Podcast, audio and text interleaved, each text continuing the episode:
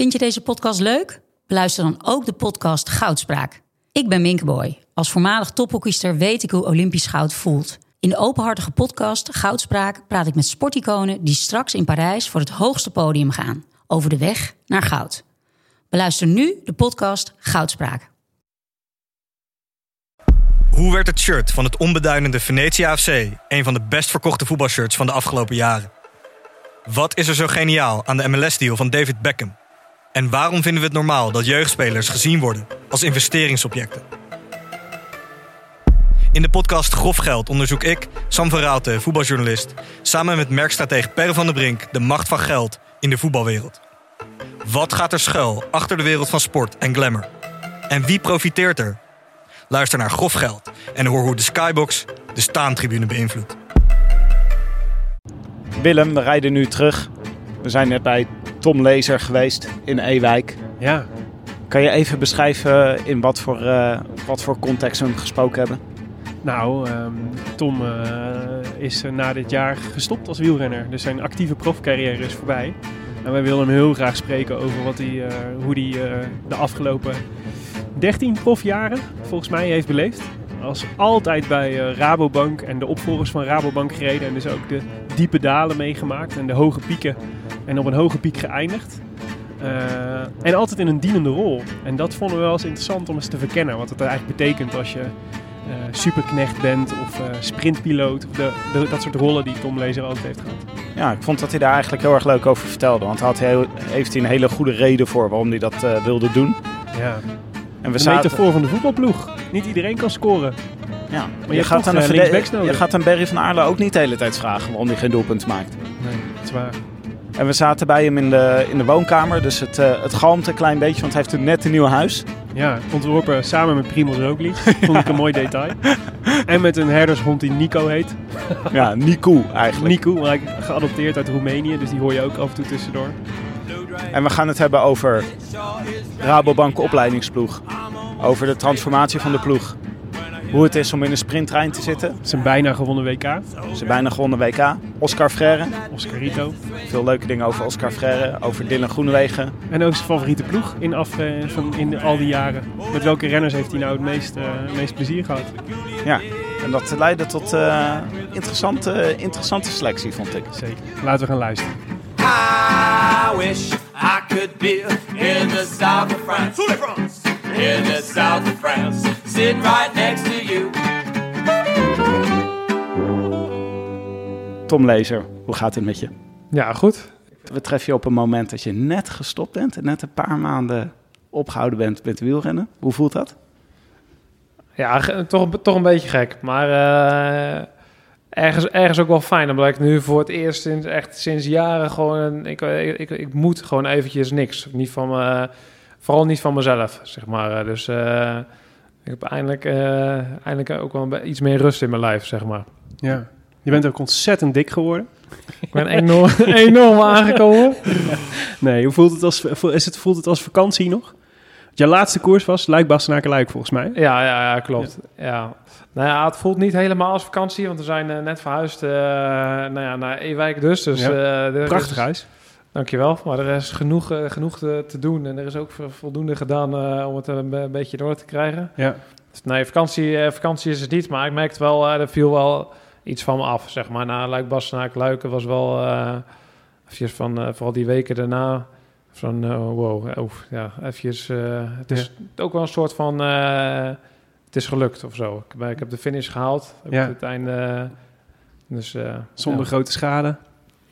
Zonder al te grote schade. Ja. Inderdaad. eh, nou ja, goed, mijn rug is natuurlijk niet echt geweldig eh, momenteel. Mhm. Gaat wel wat beter dan eh, toen ik nog nou ja, elke dag echt aan het trainen was. ja.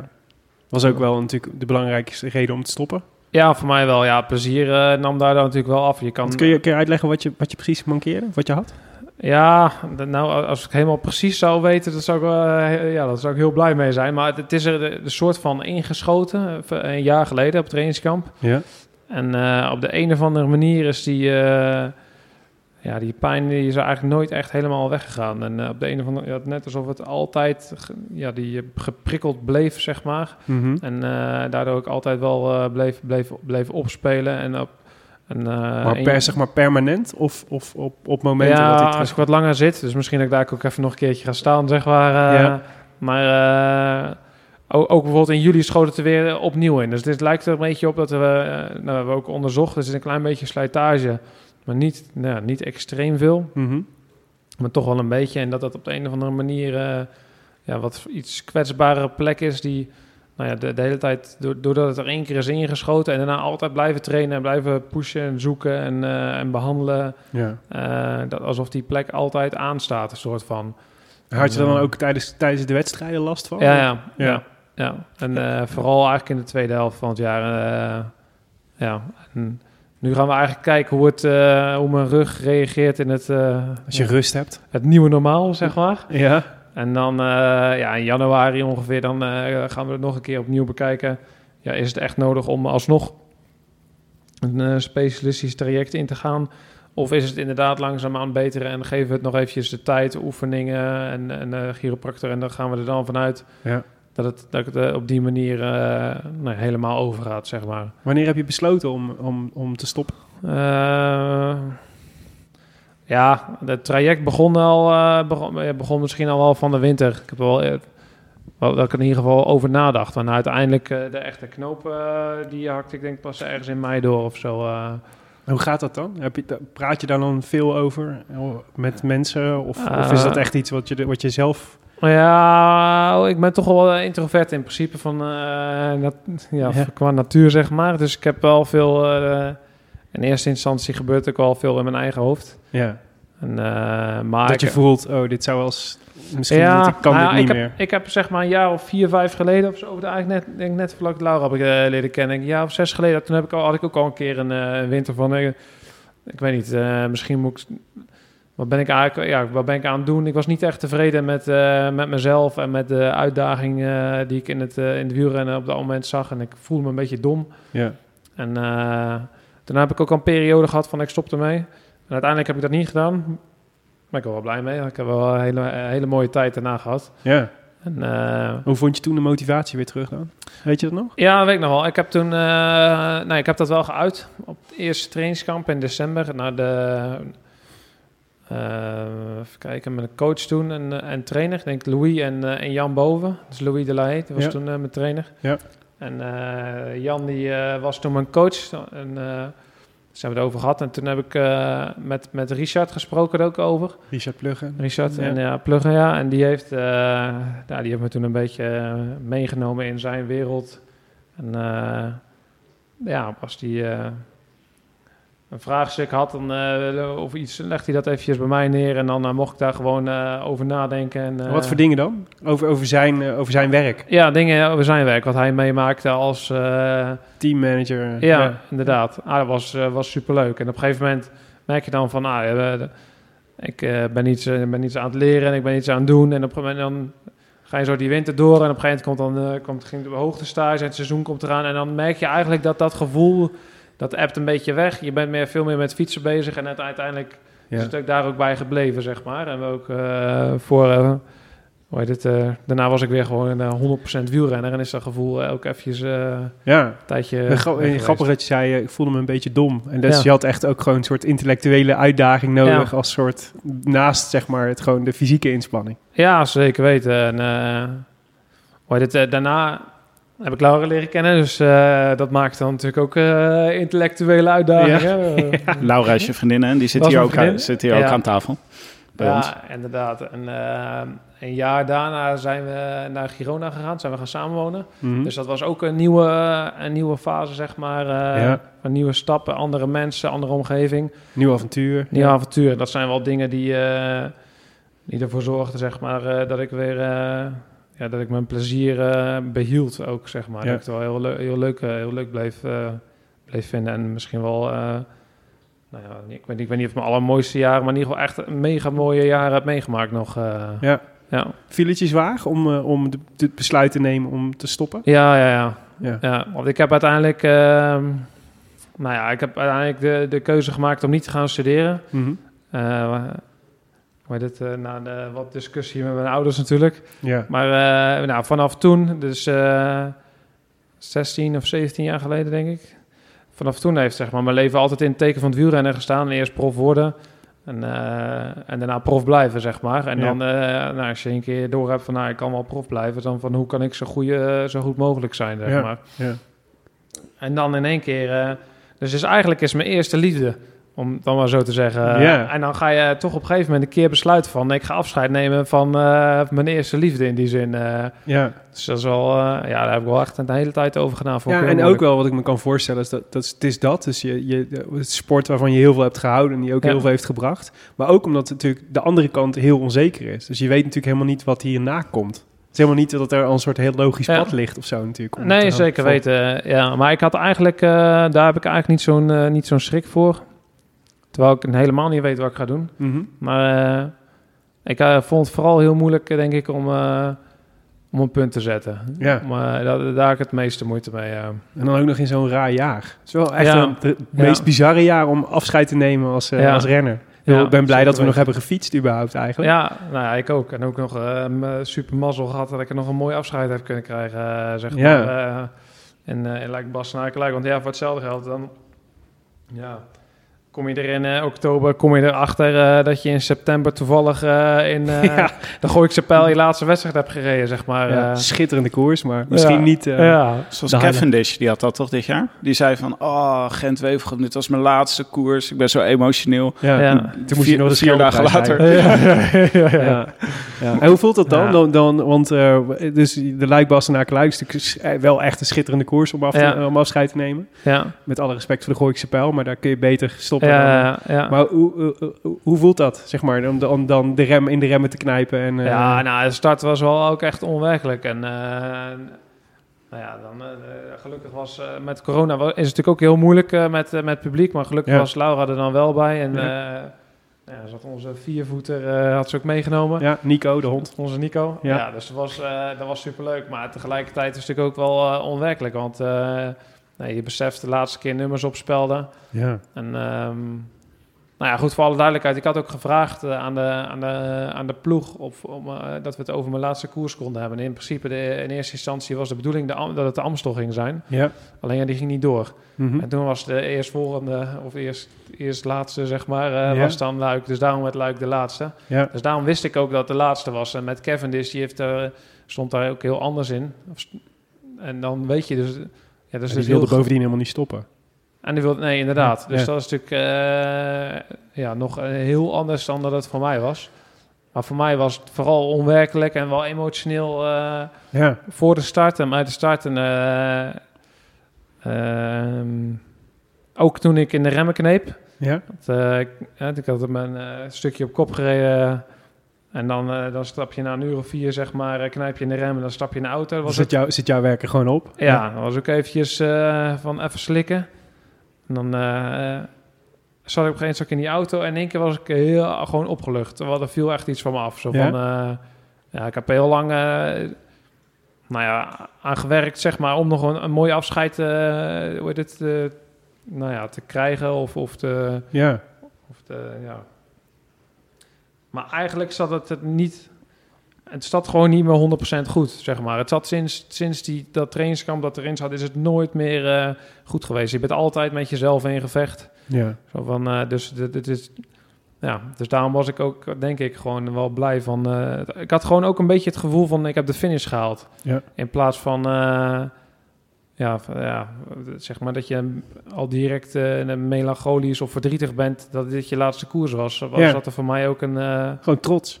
ook, ja. Ja. Ja, Ja. dat snap ik wel. Hoe Ja. gaat dat dan eigenlijk praktisch als je stopt met wielrennen? Is het dan, je, de Luikpas naar Luik was op zondag. En ga je Ja. dan op maandag gewoon niet meer fietsen? Maar het was echt heel slecht weer. Nee, toen heb ik, net- toen heb ik, toen heb ik niet gefietst. Nee, De eerste dag dat je gewoon kon uitslapen. Ja, Ja, ja. gewoon De eerste dag denk ik ook niet. Maar ik heb, nou ja, niet heel toevallig. Maar in principe, eh, want het was niet de bedoeling. Eh, maar in ieder geval, hebben- ik heb het er wel met een cardioloog eh, over gehad. Het jaar daarvoor, voor de, in, met, toen we de test voor de hart de- deden, deden zeg maar, om, de, eh, om je licentie te krijgen. Mhm. En, eh, en die man die legde ook uit dat het wel de bedoeling is dat je wel actief bezig blijft. Ja. En, eh, en de helft minder gaat eten, zeg maar. Dus ik ben wel gewoon actief bezig gebleven. eh, Ja, je kunt niet zo van de ene op de andere dag in één Nee. keer stoppen met Nee, topsport. nee, nee, Nee. Het, het hart moet wel eh, een klein beetje eh, gefaseerd krimpen, zeg maar. eh, Ja. Ah, ja. kleiner worden. Niet gewoon gelijk een Playstation kopen en alleen maar niet. pizza bestellen. Je gaat het wel overleven, maar zei hij, maar het is niet de ideale weg. dus, nee, ik ben, dus ik ben wel, eh, nee, ik ben wel actief bezig geweest, maar ik denk de eerste twee dagen eh, heb ik sowieso niet gefietst. Eh, nee, dat niet. Lekker Nee. op de bank, Netflix. Maar je zal ook nog wel... eh, het was wel een koers om afscheid te nemen van Jumbo-Visma. Want Ja. het was natuurlijk gewoon... het is dan jouw afscheid, maar ook gewoon de overwinning. Ja, dus... Het werk was niet voor niks, zeg nee, maar. nee, die- nee, nee. Dus Frans Maas die had ja, eigenlijk een soort afscheidsdineetje in, in het Van der Valk geregeld. Ja. Dus iedereen van de ploeg die eh, nou, was op corona getest, dus we mochten in hetzelfde zaaltje zeg maar zitten. Ja, En dat werd uiteindelijk eh, natuurlijk eh, ook een overwinningsdiner. ja. En eh, eh, voor, de, voor, de luisteraar die het vergeten is... Roglic won natuurlijk die fa- fameuze sprint van uh, Alaphilippe. Waarvan de finishfoto eh, in, de, in de geschiedenisboeken gaat. Met Ja. Alaphilippe die zijn armen spreidt en Roglic die eronder Ja. doorduikt. ja. Waar was jij toen je dat zag? Eh, ik was net in de bus. Oh ja. Ja, dus ik had eh, in principe had ik al denk ik wel een uurtje of eh, anderhalf in de bus kunnen zijn. Maar ja, ik had de verkeerde auto gekozen om in de rem bij te knijpen. Dus we moesten Ah. er ergens moesten op de gedoe nog bijzonder geven. Ja. Ja, dat denk ik. Denk, eh, dat heb nou- jij niet zelf gedaan, of wel? Of heb je ook nog... Nee, nee, nee, nee. Ik heb deze keer, toen had ik toch nog een soort van voor het eerst als toeschouwer eh, de koers gezien. eh. Ja, ja, maar wel te gek, toch? Wat een einde. zeker mooi. En eh, we keken met z'n allen op zo'n heel klein schermpje op de telefoon. eh, en, eh, dus het duurde toch wel heel eventjes voordat je dan door hebt van hij heeft echt gewonnen. Ja. En, eh, maar- En Primos heb je ook al een bijzondere band mee, toch? Dus dat is dan Ja, we kunnen ja, we kunnen goed met, met Primos opschieten. En, eh, leu- ja, een leuk mens. En, ehm, dus ja, superleuk eh, dat, eh, dat, dat, ja, dat hij uitgerekend op die dag, op mijn laatste dag, zeg maar, Ja. een monument wint. Ja, dus goed het was een goed, goed feestje in eh, Van der Valk. Dus Ja, een soort van. twee kerstjes Ja, en de appelmoes. ja. zeker weten. We hebben wel, eh, wel iets opgedronken, ja. Ja. Zal ik even teruggaan naar de structuur van het gesprek? Want eh, goed, Tim. we, we, trappen eigenlijk altijd af natuurlijk met onze favoriete rubri- rubriek in Voetbal International. Ja, De eh persoonlijke rubriek, waarin eh, voetballers altijd zeggen dat ze, als ze iets lezen, dat dat de ontvoering van eh Freddy Heineken is. Maar ja, het is nu natuurlijk een beetje raar om te zeggen, laten we even jou een paar vragen stellen om je beter te leren kennen. Want wij kijken, wij hebben je natuurlijk al heel vaak in de koers gezien. Maar toch, laten we nog een paar vragen, gewoon omdat het, eh, omdat het leuk is voor de, voor de luisteraars die pas net beginnen met wielrennen kijken. Eh, nou ja, eh, naam, leeftijd, woonplaats kunnen we overslaan. Eh, 34, toch? ja, nog 34 jaar. Met de kerst 35. Ja. opleiding? Gymnasium, maar daarna geen Ja. opleiding. Nee. Je wilde een beta-opleiding. Wat wilde je ook weer gaan Nou doen? ja, werktuigbouwkunde. Ja, Ja. echt, eh, en ga je dat nog oppakken misschien? Eh, nou, ik wil wel graag eh, de technische richting op, maar ik, ik zie mezelf nog niet direct eh, een echte opleiding volgen. Wel werken en leren samen, zeg maar. Ja. Maar eh, ma- v- ja, vijf jaar lang... eh, Echt in de collegebanken als je Maximaal. 35 bent. Nee, dan moet ik eerlijk zijn, eh, dat zie ik op dit moment niet voor me. Nee, Ja. Zijn er veel gymnasiasten in het peloton? Eh, Kun je af en toe even in het Latijn met iemand? Ja? Mike Teunissen volgens mij. Oh ja. Eh, ik denk dat Frans Maas het ateneum gedaan heeft, maar misschien ook een gymnasium. Zou best kunnen. Dus, eh, maar eh, wij waren wel goed bedeeld. Want Amoen Grundaal Jansen, die had volgens mij ook zoiets gedaan, onze Noor. ja. Ja. Eh, De intellectuele ploeg van het peloton. ja, Paul Martens volgens mij was ook redelijk goed geschoold. Dus we hadden wel, we hadden wel een mooi clubje. ja.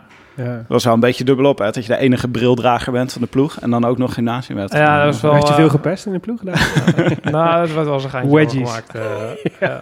Nou ja, hoort erbij. De professor reed je dan toch al snel als soort... eh, Heb ik eh, als bijnaam gehad eh, in het begin, inderdaad, bij de, eh, bij de belofte. Ja. Goeie, goeie bijnaam, want dat is ook eh, de bijnaam van... dit, is eh, toch, eh, dit is toch zo klassiek, toch? Dus Ja. altijd als de enige gymnasiast Ja. is dan meteen de professor. Ja. Ja. Of iemand die een multimap bij zich draagt, zoals Arsène Wenger bij Arsenal. Die werd ook altijd de professor genoemd, omdat hij dan een map bij zich had. ja. Hey, en, eh, en de school en de wieleropleiding? Westland wil vooruit. Ja. Ja, en daarna... eh, Wat? Nog één keer? Het Westland wil vooruit. In Oh. Onsdijk zit. eh, Westland wil vooruit. Zeker, Mooi. WVV. Mooi. Ja, Mooie naam hoor. ja. Dat was je eerste ploeg waar je reed. Hoe Ja. oud was je toen je begon met eh, fietsen? ja, ik denk... Ik denk tien. Tien of elf. Uit, kwam je uit een wielerfamilie? Of Nee, was het echt nee, eh, nee, de eerste die dit ging doen? Ja, mijn vader fietste wel eens in de duinen. En ik dacht, ik dacht, ik ga een keertje mee. Ik vond het eigenlijk wel leuk. En toen... eh, je kon het keigoed. kon eigenlijk keihard fietsen. Ja. daar was wel eventjes overheen gegaan. Eh, maar nee, ja, ik vond het vooral heel leuk. En ik deed op dat moment atletiek. En nou ja, de, de, de, de sfeer was niet super. Mhm. En toen kwamen we, kwamen we dus bij, eh, op Honsersdijk op zo'n oude vuilnisbelt. Daar ze- hebben ze een heel mooi parcours gemaakt. Ja. En ehm, familie Berghout. En nog een familie. Er waren twee families. Maar die, eh, en die, en die runden, die, die waren hele grote families. Dus die kwamen daar, eh, die, ja, die, die runden die trainingen en die organiseerden alles. Ja. Dus je kwam ook voor je gevoel echt in de familie terecht. Er hing een hele leuke sfeer. En uh, dus ik vond het echt hartstikke leuk. Mhm. En ja, uiteindelijk ging het ook best nog wel, best nog wel goed. Dus dan is, het, dan is het ook vaak leuker om te doen. ja. Dus ja, zo ben ik er een beetje ingerold. En toen kwam je bij de Rabobank opleidingsploeg terecht, toch? Eerst van Vliet. Ja. En toen bij... Uh, Amateurteam, zeg maar. Ja. ja. Een jaar bij Van Vliet gereden en daarna bij, uh, bij Rabobank, bij de opleidingsploeg. Het is ja. toch een beetje alsof je door Ajax uh, gescout ja, wordt, toch? Als je naar de, ja. ja, weet je nog hoe dat... Want bij Ajax krijg je dan een keurig net brief, zeg maar. Dat, ja. ze, dat, ze je graag, uh, dat je graag op een proeftraining willen zien. Ja. Weet je nog hoe dat ging? Dat je bij, bij de Rabo Ja, dat weet ik nog wel. Ja, ja ik... Uh, hoe heet het? Ik ben denk ik door mijn moeder geroepen, want er werd op de vaste, op de vaste lijn werd, uh, werd, werd, ja, werd, er, werd, er, werd ik gebeld. Ja. En uh, het was door Nico Verhoeven toen. En die vroeg of ik uh, bij het NK in het Novotel, denk ik, in Rotterdam. Of ik met op gesprek wilde zeg maar, komen, omdat ze me een contract wilden aanbieden. Dus daar ben ik toen heen gegaan, samen met mijn vader. Ja. ja en Louis Delay zat er ook bij. Dat was uh, slecht slapen, denk ik, die nacht na, de, na, de, na dat telefoontje. Of ja, ik kan me niet meer herinneren. Kon, dat was natuurlijk wel, dat was natuurlijk de, dat was toen echt, Rabobank was toen ja. echt de, de, de ploeg. Natuurlijk. Ja, ja, ja, ja, het voelde me wel... Ja. voelde wel, ja, toch wel een beetje vereerd, zeg maar, dat ik daar, daarheen mocht. En, uh, ja. Wie, wie zat er in jouw, uh, jouw uh, lichting? Weet je dat nog? Ja, maar ik heb het zat eigenlijk een klein beetje tussen twee lichtingen in. Maar in ieder geval degene die echt van mijn jaren, ja, Lars Bomen ben ik denk ik de bekendste. Oh, ja. ja. maar ja, ja, zeg maar toen ik net toen ik net overkwam, had je ook, zeg maar, net uh, hadden ze Remco van der Ven, Frank van Dulmen, Mathieu Heijboer, Michiel Leijzen, Stef Clement. Ja. Uh, die waren net iets ouder dan jij. Die waren, ja, dus ik ja. was, uh, zeg maar, uh, nou, ik ging tweedejaarsbelofte worden. Zij waren allemaal laatstejaarsbelofte. En, en Frank van Dulmen en Remco van der Ven, die kwamen net over van de Bank Giro Loterij. En die waren eigenlijk een beetje een soort mentor-idee, kwamen die bij ons. En ik denk dat Tom van Dulmen toen ook bij erbij zat. Dus een jongere broertje. Ja. Kozentjuk, Dimitri. Ja. Uh, William Walker. Ja, ja, ja, dat is een naam die af en toe nog opduikt in Ja. uh, obscure lijstjes van renners die ooit bij Rabo hebben gefietst. Ja, ja. ja. Crane Brown? maar dat was bij de profs pas. Dat was bij de profs. Ja. Hmm. Dat is meer uh, obscure. William Walker is meer, uh, die heeft een hartprobleem gehad. Uh, daar, daar, daar hoor je het vaak, ja. hoor je hem vaak van. Ja. En wie was, de, wie was daar het grote talent? Was dat Lars ja, Boom, denk ik? Ja, Lars. Ja, ja, ja, ja, Denk ik wel. Kai Reus reed natuurlijk ah, ook toen... en weet je nog hoe ze... Hoe ze... Robert Geesink kwam een jaar later. Ja. Hoe keken ze naar jou toen? Wat voor soort renner was jij toen? Uh, ja, ik weet het, weet ik niet. Uh, goeie vraag. Goeie vraag. Ik weet wel uh, dat ik als tweedejaars won ik een rit in Turingen, denk ik, of derdejaars. En dat Paul Martens, die reed toen bij de Duitse selectie. Die, wij kenden elkaar helemaal niet. Ja. En die had wel zoiets van... Maar dit dat hij over de streep kwam en had een uh, raar ventje met een bril op had die koers gewonnen. Dat was, dat was, uh... dat vond hij maar niks. maar, dat was niet heel, heel erg complimenteus. Nee, uh... Maar dat slotweekend hè, van de Tour dit jaar, dat Ja. is natuurlijk, was wel een beetje de sensatie van het jaar. Zat jij toen voor de tv de Ja. tijdrit te kijken? Te Ja. huilen? Zit, zit, wat, beetje. wat, doe je, wat doe je dan? Zit je dan met je teamgenoten te whatsappen als dat gebeurt? Nou, we waren de Gooikse Pijl gingen wij de dag erna rijden. Dus ik lag op de kamer uh, met Taco, denk ik. Taken van de Hoorn. Ja. Taco, ja. En uh, Jos, en Maarten Wijnands, die lagen naast ons. Bert-Jan Linneman, denk ik. Lag ook naast. Paul. En uh, ja, je hoort natuurlijk al die... Al die Allemaal in, oh, ik heb nu het idee dat jullie allemaal bij elkaar in één bed lagen. Nee, nee, aan dus we verschillende drie, drie, een hotel drie, uh, drie kamers, zeg maar, maar allemaal op dezelfde gang. En meestal zijn onze Ja. deuren open. Ja. En dan, ja, het begint met van... Ah, hij deelt hem altijd goed in, dus hij begint rustig. Ja. Weet je wel. Dus jullie waren allemaal even ontspannen in het begin. Ja, ik denk, oh, gaat nog goed komen. En dan op een gegeven moment, dan, eh, ja, je begint elkaar dan een klein beetje moed in te praten. En dan, maar ja, op een gegeven moment was er weer, eh, het moed in praten, eh, werd toch, ja. En dan met z'n allen om de... te- komen, ze, komen jullie dan allemaal op dezelfde kamer? Is dat Ja, gebeurd? we zijn daarna wel, ja, toevallig liepen Jos en nog twee anderen, denk ik, liepen bij ons de kamer op. En dan was het wel echt ongelooflijk. Zo Maar wat is, wat, wat voor, ben je dan, was je boos of teleurgesteld? nee, of? teleurgesteld, ja. Ja. Ja, er was niet heel veel om boos over te zijn. eh dat we echt... eh, ja, toch wel... eh, ja, het was wel echt een deceptie, zeg maar. ja. Sad smiley in de WhatsApp-groep van Jumbo-Visma. Dat is maar dat... Ja, dan, ik denk dat er niemand op dat moment iets erin durft te zeggen. Ja, het was wel... eh, hadden we niet, niet, niet zien aankomen. Nee, Nee. prima zelf. Eh, Oké, Tom. Laten we, laten we even terugkijken. Want je hebt natuurlijk zoveel meegemaakt in het peloton. Wij vinden het leuk om het over, eh, over alle, alle zaken even te hebben. ja. Maar niet voordat wij een natje hebben opengemaakt. Want dat dat hoort nou eenmaal bij onze podcast. En Willem heeft wat meegenomen. Willem, Ja, ik dacht, weet je, het is natuurlijk gewoon een afscheid. En, eh, en, eh, en dat is een bijzonder moment. Dus dan moet je altijd even een punt zetten. Weet je. Na een Ja. grote overwinning hoort het ook. Maar na een goede carrière wil je, ook even, wil je, wil je natuurlijk ook even vieren. Dus ik dacht, daar hebben wij altijd, zeg maar, het, ons, ons feestnatje is, een, is altijd de, de champagne uit de Bourgogne. Ik heb, mijn, mijn schoonouders hebben een huisje in de Bourgogne. Nou, Ja. haal ik dan ieder jaar heel veel wijn en, en, eh, en champagne vandaan. Of cremant, zoals hij dan heet. Kijk. En dat is, die vind ik dus altijd heel lekker. En dus voor de feestelijke momenten dus ik denk neem een fles mee. Want dan kunnen we proosten op, jou, eh, op jouw eh, carrière. Hey, nog ehm, het laatste, de laatste twee vragen uit het lijstje VI persoonlijk. Vraag 9. Je hoogtepunt uit je carrière. de hoe dan? eh? De hoe dan? De hoe dan? Ja. Ja, dat is echt eh, wel een, zeldz- een heel zeldzame dag dat. En, eh, was, Ja, dat was heel, heel vet. Maar toen was jij de sprintpiloot, toch eigenlijk? Ja, samen met eh, ja, wel, Robert Wagner was de, la- de laatste man. Ja. Ik, eh, en ik zat voor hem. Ja. Ja. En, eh, en eh, staat je dat dan nog helder voor de geest? Hoe, dat, hoe die ja, dat weet ik, nog, weet ik nog, weet ik nog Dat wel was, natuurlijk, was, dat was Ja. natuurlijk eigenlijk best onverwacht dat, dat Groenewegen daar won. Ja, Tenminste, voor ons. ja, ja, ja, ja, zeker. Ja, Dat had een voor ons paar ook al. Ja. Ja, had er een paar keer natuurlijk wel een beetje in de buurt gezeten. Maar, ja derde niet, denk ik een keertje. Maar dat voor de rest maar we hadden niet echt het gevoel van dit is, Nee. dit is, eh, dit Nee. is de topsprinter die hij later werd natuurlijk. Nee, nou ja, het- hij heeft... eh, hij is redelijk vlot begonnen met winnen, maar zeg maar... eh, Ja, hij heeft wel eh, een aantal jaren stappen gezet, zeg maar, om op dit niveau te komen. ja. En eh dus de Champs-Élysées was zeker... eh, ja, zeker wel, een- wel een verrassing. Jij uit- want is, ik vind het wel interessant, want dit was natuurlijk een, eh, dit was natuurlijk een hele bijzondere overwinning. En jij zei van, eh, ik was dan de, je was de, dan de één na laatste man Ja. voor Dylan. Ja. Eh, wat is jouw werk dan op dat moment? Nou, het werd een klein beetje anders, want normaal gesproken rijdt, het- ja, is er ook iemand die mij op, zeg maar, eh, bij een bepaald punt moet, moet brengen. Dat was Paul, Paul Ja. Martens. Alleen zijn, eh, zijn, eh, ja, zijn krenk liep eraf. Zijn, eh, Ja. Dus ja, Paul die eh, Fietspech? had fietspech. Ja. En die, eh, dus, ja, dat- dus, dus dan schuif ik ook een plekje naar voren eigenlijk, als het ware. Dus normaal gesproken wil je natuurlijk zo, eh, zo ver mogelijk komen. Het liefst in de- met Rie natuurlijk de laatste kilometer in. Ja. Alleen nu moet ja, het voorbereidende werk eigenlijk allemaal moet- moet je ook goed doen. ja.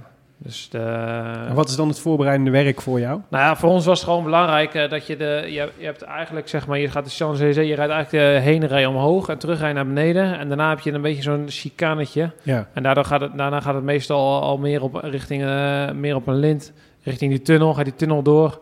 Zeg maar, dus dan eh, verschuiven de posities veel minder. Ja. Dus dat punt was eigenlijk voor Paul, maar dat kwam nu, werd nu van mij. Ja. Dus dat is, eh, als je dus bij, dat chica, bij die chicane op plek 60 of 70 zit, kost het zoveel energie om nog weer bij de eerste te komen. Ja. Dat, eh, nou ja, dat je de, hoe heet het, die, die energie kan niet inzetten als je wil sprinten. En hoe doe je dat dan? Zorgen dat je voor, want daar, daar wil iedereen die, die, die sprint wil winnen, die wil daar vooraan zitten. Ja, dus mijn finish, ja, je moet gewoon rijden alsof, of- alsof jouw finish bij die bocht ligt. Dus ja, dan, eh, en je bent maar met z'n drieën. ja, Dus ja, je kan ook niet even twee kilometer, eh, of tenminste, ik kan dat niet, ja. twee kilometer lang in de wind zitten. Dus ja, dan moet je een, een, pad, eh, een pad zoeken. En eh, een klein beetje meeliften, eh, zeg maar. En op het, juiste moment, op het juiste moment dan wel jouw inspanning doen dat je het wel haalt. Ja. En dat die andere twee natuurlijk eh, makkelijk in jouw wiel mee kunnen. Ik vind het fascinerend, want we hebben met een paar mensen gesproken over, weet, je wel, wat is dan, wat is nou de kwaliteit van Tom, zeg maar, in het, en, Ah, ja, en ja. heel veel mensen noemen dat dus, zeg maar, dus dat je in staat bent om, zeg maar, paden te zien die anderen niet zien en, Nee. en, en juist dat soort positionering zo goed, zo goed snapt. ja. Is dat dan iets wat je van nature hebt, of wat, je, wat, wat is gekomen door al die jaren in peloton rijden? Nou, ik denk dat het bij mij vooral gekomen is eigenlijk omdat ik eh, dus... eh, ik kon best wel goed fietsen bij de jeugd, ik, eh, maar ik was nooit de beste. Ja. En als ik een, ja, een leuke uitslag wilde halen, dan moest ik het wel vooral eh, vaak wat net iets slimmer doen eh, dan, dan iemand anders, zeg maar. Ja. En eh, ik ben eigenlijk pas wat meer gaan winnen, denk ik, toen ik 21 was of zo. dus bij de junioren en zo. Ik heb het altijd goed gedaan. Ik mocht ook WK rijden bij de, bij de junioren. Dus maar ik was altijd gemiddeld genomen, zeg maar, de vierde man of zo. Ja. Hè, dus soms won ik wel een keer en ik reed regelmatig op podium. Maar daar waren eigenlijk, als het echt puntje bepaald kwam, waren er altijd wel twee of drie, zeg maar, eh, die beter waren. En eh, als je dan een, eh, weet ik veel, in Noord-Nederland reed, was er eentje beter. En in Zuid-Nederland was er ook eentje beter, zeg maar. Ehm, Ja. Maar daardoor leer je wel het spelletje. Uiteindelijk is het, eh, behalve als je heel lang bergop rijdt, zeg maar, is een hele grote spelcomponent. ja, ja. En, en ja, ik denk dat ik dat daardoor wel wat meer onder de knie gekregen heb.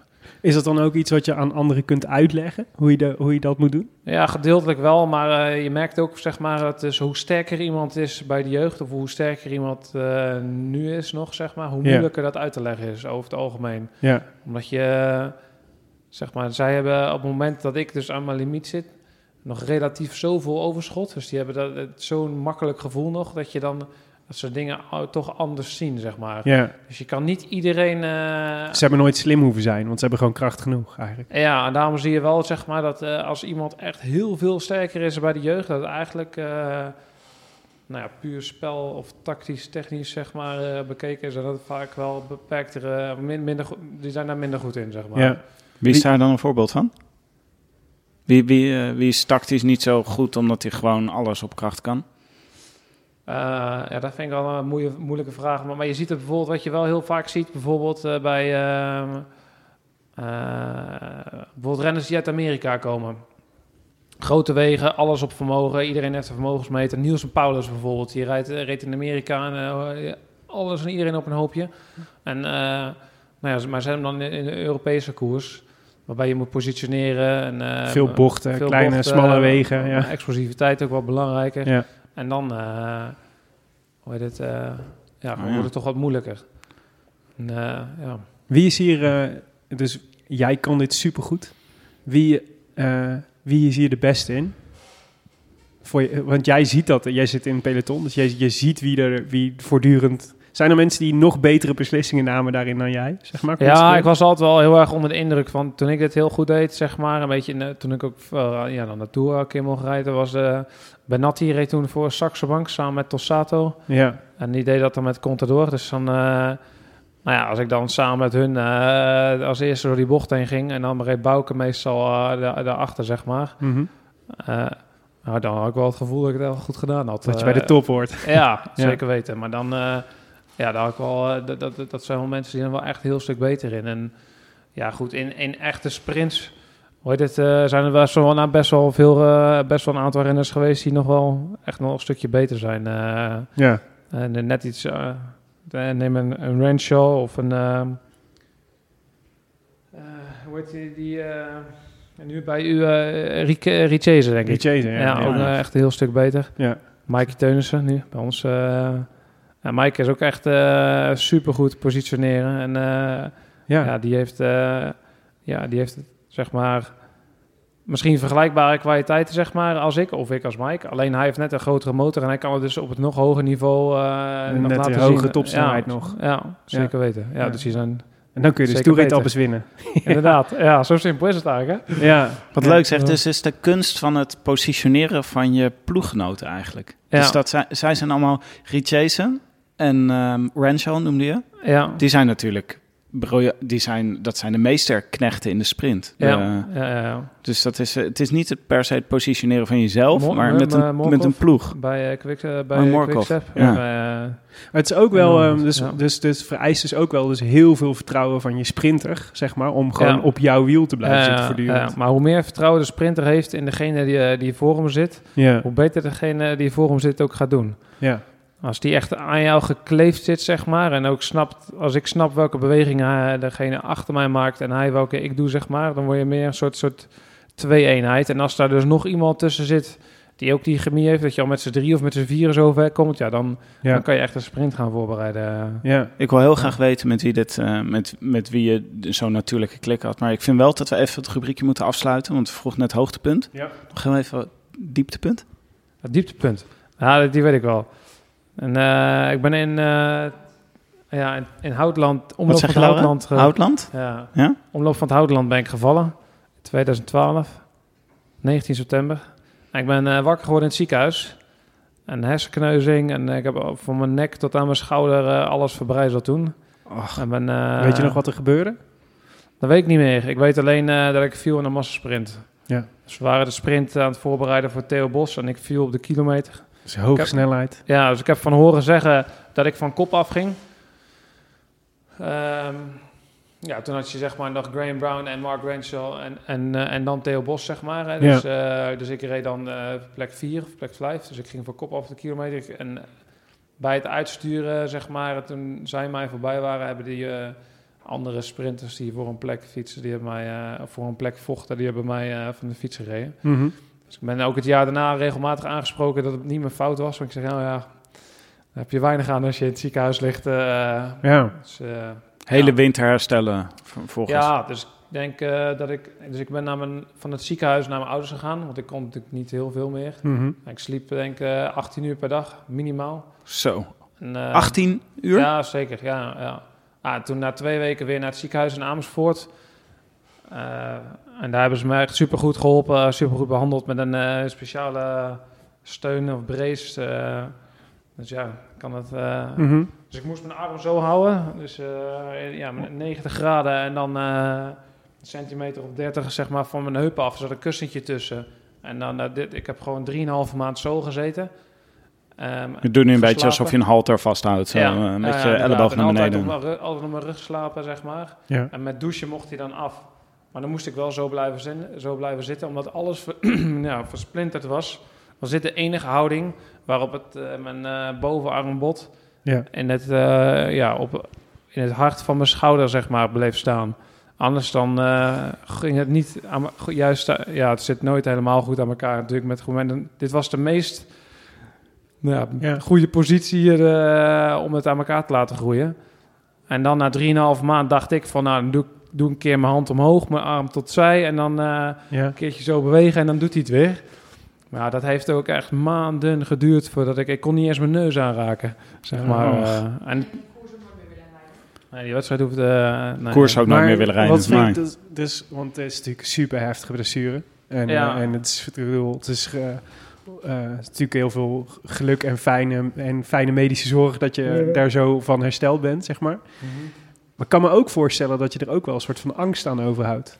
Toch, Ja. want die, die massasprint, ik, ik zou sowieso altijd echt eh zeven kleuren stront scheiden als ik in zo'n in zo'n situatie terechtkom. Mooi gezegd, Willem. Maar dankjewel, Ja. poëtisch hè? Ja. Maar het is heel, maar het is, eh, want het is gewoon super gevaarlijk natuurlijk wat je Ja. doet. Heb je niet, Ja. heb je, kon je daarna weer zeg maar zonder eh, of onverveerd eh, de sprinttrein leiden? Nou, ik heb natuurlijk een hele tijd over gedaan dan... voordat ik überhaupt dan weer een wedstrijd re- reed. Dus ik reed, maar ik reed in Mallorca denk ik mijn eerste wedstrijd weer. En dan het criterium, dat begint met 100 kilometer, 120 kilometer in Palma. Ja. Ze rijden een soort eh, criterium, zeg maar, en eindigt eigenlijk altijd in een sprint.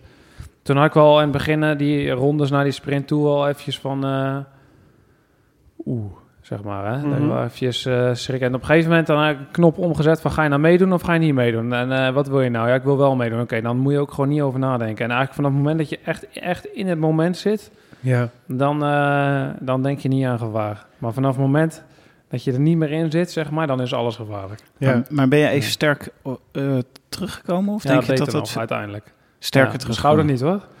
Maar eh, ik ben wel eh, fysiek wel beter eh, geworden, zeg maar, dan dat ik daarvoor was. Ja, En, eh, maar in je rug nu, heeft dat daar iets mee te maken? ja het zou wel kunnen, ja. Want het is eh in de rechterkant onderin ook in mijn rug geschoten. En ik heb helaas later ook nog een keer de rechterkant van mijn bekken gebarsten. Dus die, eh, de rechterkant van mijn lichaam heeft wel eh, ja, wat schade opgelopen. Je lijf heeft natuurlijk sowieso gewoon klappen gehad Ja. van al die jaren. ja, ja, en dan elk jaar natuurlijk ook ja, pushen om, eh, ja. Om eh, fysiek in orde te zijn. Ja. Dus ja, dat eh, is ze- zeker een eh, vorm van... Maar dat is echt, maar voelt is het dan echt Ja. een, een knop omzetten en, de- de- en dan voel je die, dus als je eenmaal bezig bent, dan voel je die angst niet meer? Is dat, want, nee, veel minder. ja. want ik kan me ook voorstellen dat dat, nou ja, dit was natuurlijk, we hadden natuurlijk echt, in dat opzicht was het een bizar jaar, maar dat was natuurlijk ook, nou ja, we hadden het net over Dylan Groenewegen, die Ja. heeft natuurlijk, een, dat was natuurlijk nogal het, het, het grofste sprintincident wat we sinds lange tijd hebben gezien, in ieder geval Ja. qua afloop. Ja. Ik kan me ook voorstellen dat, dat, dat het op een gegeven moment dat je een leeftijd bereikt waarvan je denkt, ja, maar jongens, ik ga dit soort risico's niet meer lopen. Nou ja, dat, maar ja, goed, dat, dat is wel natuurlijk, eh, natuurlijk iets dat... eh, Mhm. Ik- dat, eh, dat heb ik ook gehad, zeg maar. Of dat, Ja. heb, of dat heb ik, ik weet niet. eh, ja, zeker weten. Ja, Ja, maar ik, ben, eh, ik heb voor mijn gevoel altijd wel eventjes over de risico's nagedacht, zeg maar. Ik heb, Ja. ik heb nooit het gevoel gehad, zeg maar, van... Goh, ik ben echt een kamikaze of zo. Ik was zeker niet bang.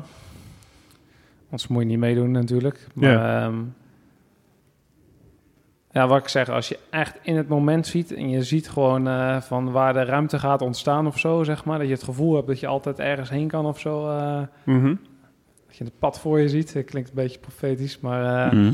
ja, dan, Ja. ik weet niet, dan had ik geen angst. Nee. Het is gewoon letterlijk, toch? Je bedoelt als je ruimte hebt in de sprint, Ja. dan duik je er gewoon in zonder ja, na te denken. Ja, zeker weten. Ja, maar dan moet je, je moet het wel, als je dat kan zien. En vanaf het moment dat je dat niet ziet, dat je alleen maar gedrummen om je heen ziet, zeg maar, dat je er niet, dat je er niet lekker in zit of zo, dat het net niet lukt, ben je altijd net te laat. Ja. En uh, dus je bent En dan net wordt te het laat, gevaarlijk. Ja, en dan ben je net te laat om de, in dat goede gaatje te schieten. En uh, je bent net te laat om ruimte te maken. Je bent net te laat om te remmen, zeg maar. Dan, dan wordt het juist veel gevaarlijker. Uh. Is het, is het uh, beter te reguleren, denk jij, sprint? Als in, we, we, zien wel natuurlijk echt wel veel incidenten. Het ja, is, su- het is ja, gewoon har- echt hartstikke gevaarlijk. Ja, Als nou je valt is het meteen super veel schade. Ja, nou, ik denk dat denk ik wel, ja. Hoe? Jij bent, uh, jij bent. Uh, ja, nou ja, de, ik denk ongeveer de, een van de weinige goede dingen die er ooit bedacht zijn door de UC, die hebben ze er weer uitgehaald.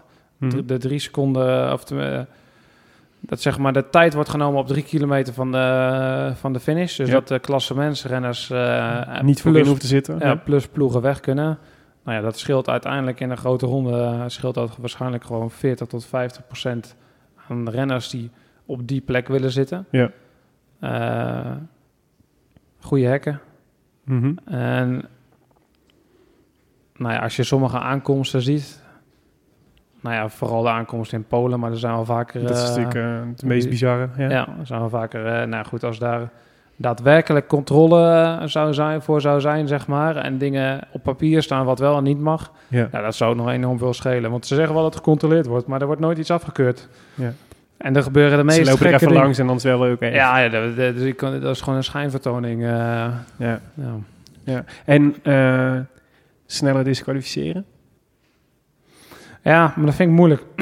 ik, ik, we moeten aan denken, want zelfs in die sprint, na die, die sprint in Polen, die natuurlijk zo ja. afliep. Uh, en toen dan kwam er natuurlijk, ging het natuurlijk veel meer over regulering. Van ja, weet je, mm -hmm. dit is een actie die. Dat was, ik bedoel, je kunt daar van mening over verschillen hoor, overigens. Maar dan wordt dan gezegd, ja, dit is een actie die, uh, die uh, in heel veel sprints, die in heel veel sprints ziet. Mm -hmm. En meestal heeft hij niet dit soort gevolgen. Mm -hmm. maar daar wordt dan ook altijd van gezegd, ja, maar uh, normaal gesproken wordt, je, wordt, uh, wordt hier iemand ook niet om gedisqualificeerd of om teruggezet. Dat gebeurt maar heel zelden dat dat zo is. Stel je mm -hmm. Ook in de sprints na Polen heel vaak acties zag waarvan je dacht, ja, hier wordt gewoon van een lijn afgeweken op een manier die anderen in gevaar brengt. Uh, en daar, is zelden, daar gebeurt zelden actie op. Dus ja. denk je ook dat je, denk je niet dat je ook sprinters kunt disciplineren door gewoon strenger en vaker in te grijpen op, op dit soort fouten? Ja, dat denk ik wel. Ja.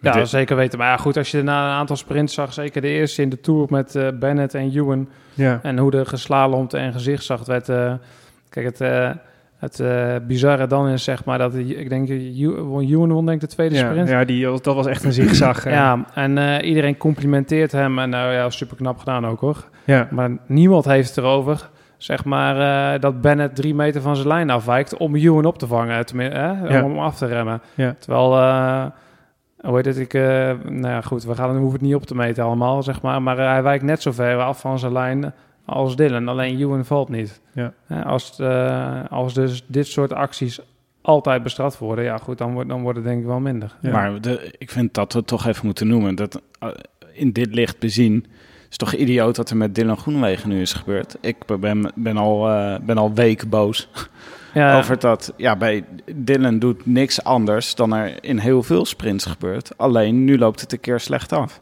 Ja, nou, ik vind eh, de straf die Dylan krijgt, vind ik ook veel te hoog. Kijk, uiteindelijk, eh Fabio heeft er niks aan, Dylan heeft er, eh, niemand heeft hier iets aan. Er zijn nu echt alleen maar verliezers. En Ja. ze hadden het wel, volgens mij hadden ze het wel een hele andere draai aan kunnen krijgen, zeg maar. eh, dat, de, dat Dylan en Fabio nog zijn, nog, op dat moment misschien nog steeds verliezers, maar dat er nog wel eh, ergens een positief, iets positiefs, eh, en iets uit geleerd kan worden of zo. eh. ja.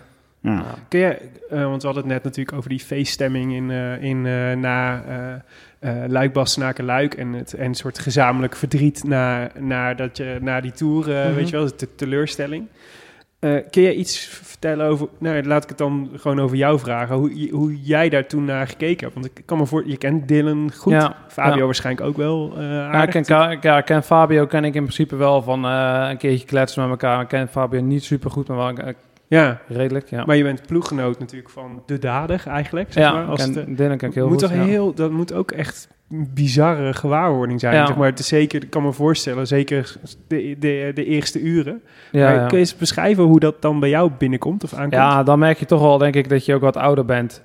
Maar heb ik ook gewoon niet. Ik heb ook heel slecht geslapen toen. eh, ja, je weet gewoon. eh, ja, dat dit, kijk, ik denk ook, eh, iedereen heeft het allemaal over ouder worden. Maar het komt natuurlijk, zeg maar, harder binnen. Omdat je zelf ook regelmatig dan een keer met zo'n snelheid op de grond gelegen hebt. Ja. En ja, dan komt het op de een of andere manier, eh, ja, identificeer je dan eh, wat sneller eh, met het slachtoffer of zo. Ja. En ja, dat, was wel, dat, dat zijn wel dingen van, dan ben ik wel blij, zeg maar, dat ik dat nu niet, hopelijk niet meer ga meemaken, zeg maar. Die risico's en, en die valpartijen, dat doet, doet je enorm veel. Ja. Bedoel je dat je het eerder op jezelf betrekt, omdat je het beter kan voorstellen dan anderen? Ja, ik denk het. Ja, er moet toch een reden zijn waarom je als, ou- als het ouder is, zeg maar, dat het je meer aangrijpt. Dus ik denk, eh, denk zoiets.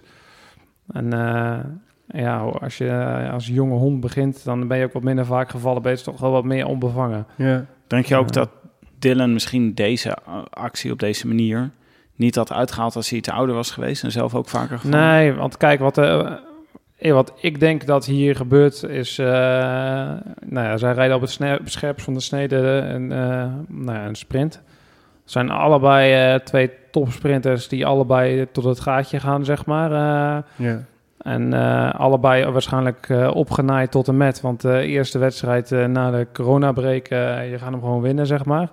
Nou ja, en dan krijg je dus dat er zo'n idioot sprint wordt toegestaan. Waar, eh, eh, waar wo- wordt gehyped, we hebben de snelste sprint van het jaar. Dus die mannen die rijden waarschijnlijk 80. En dan komt Fabio uit het zochtje van Dylan. Dus die rijdt zeg maar in plaats van een half per uur harder, wat er normaal gebeurt, rijdt hij nu in één keer rijdt hij misschien wel drie per uur harder dan wat, dan wat Dylan deed.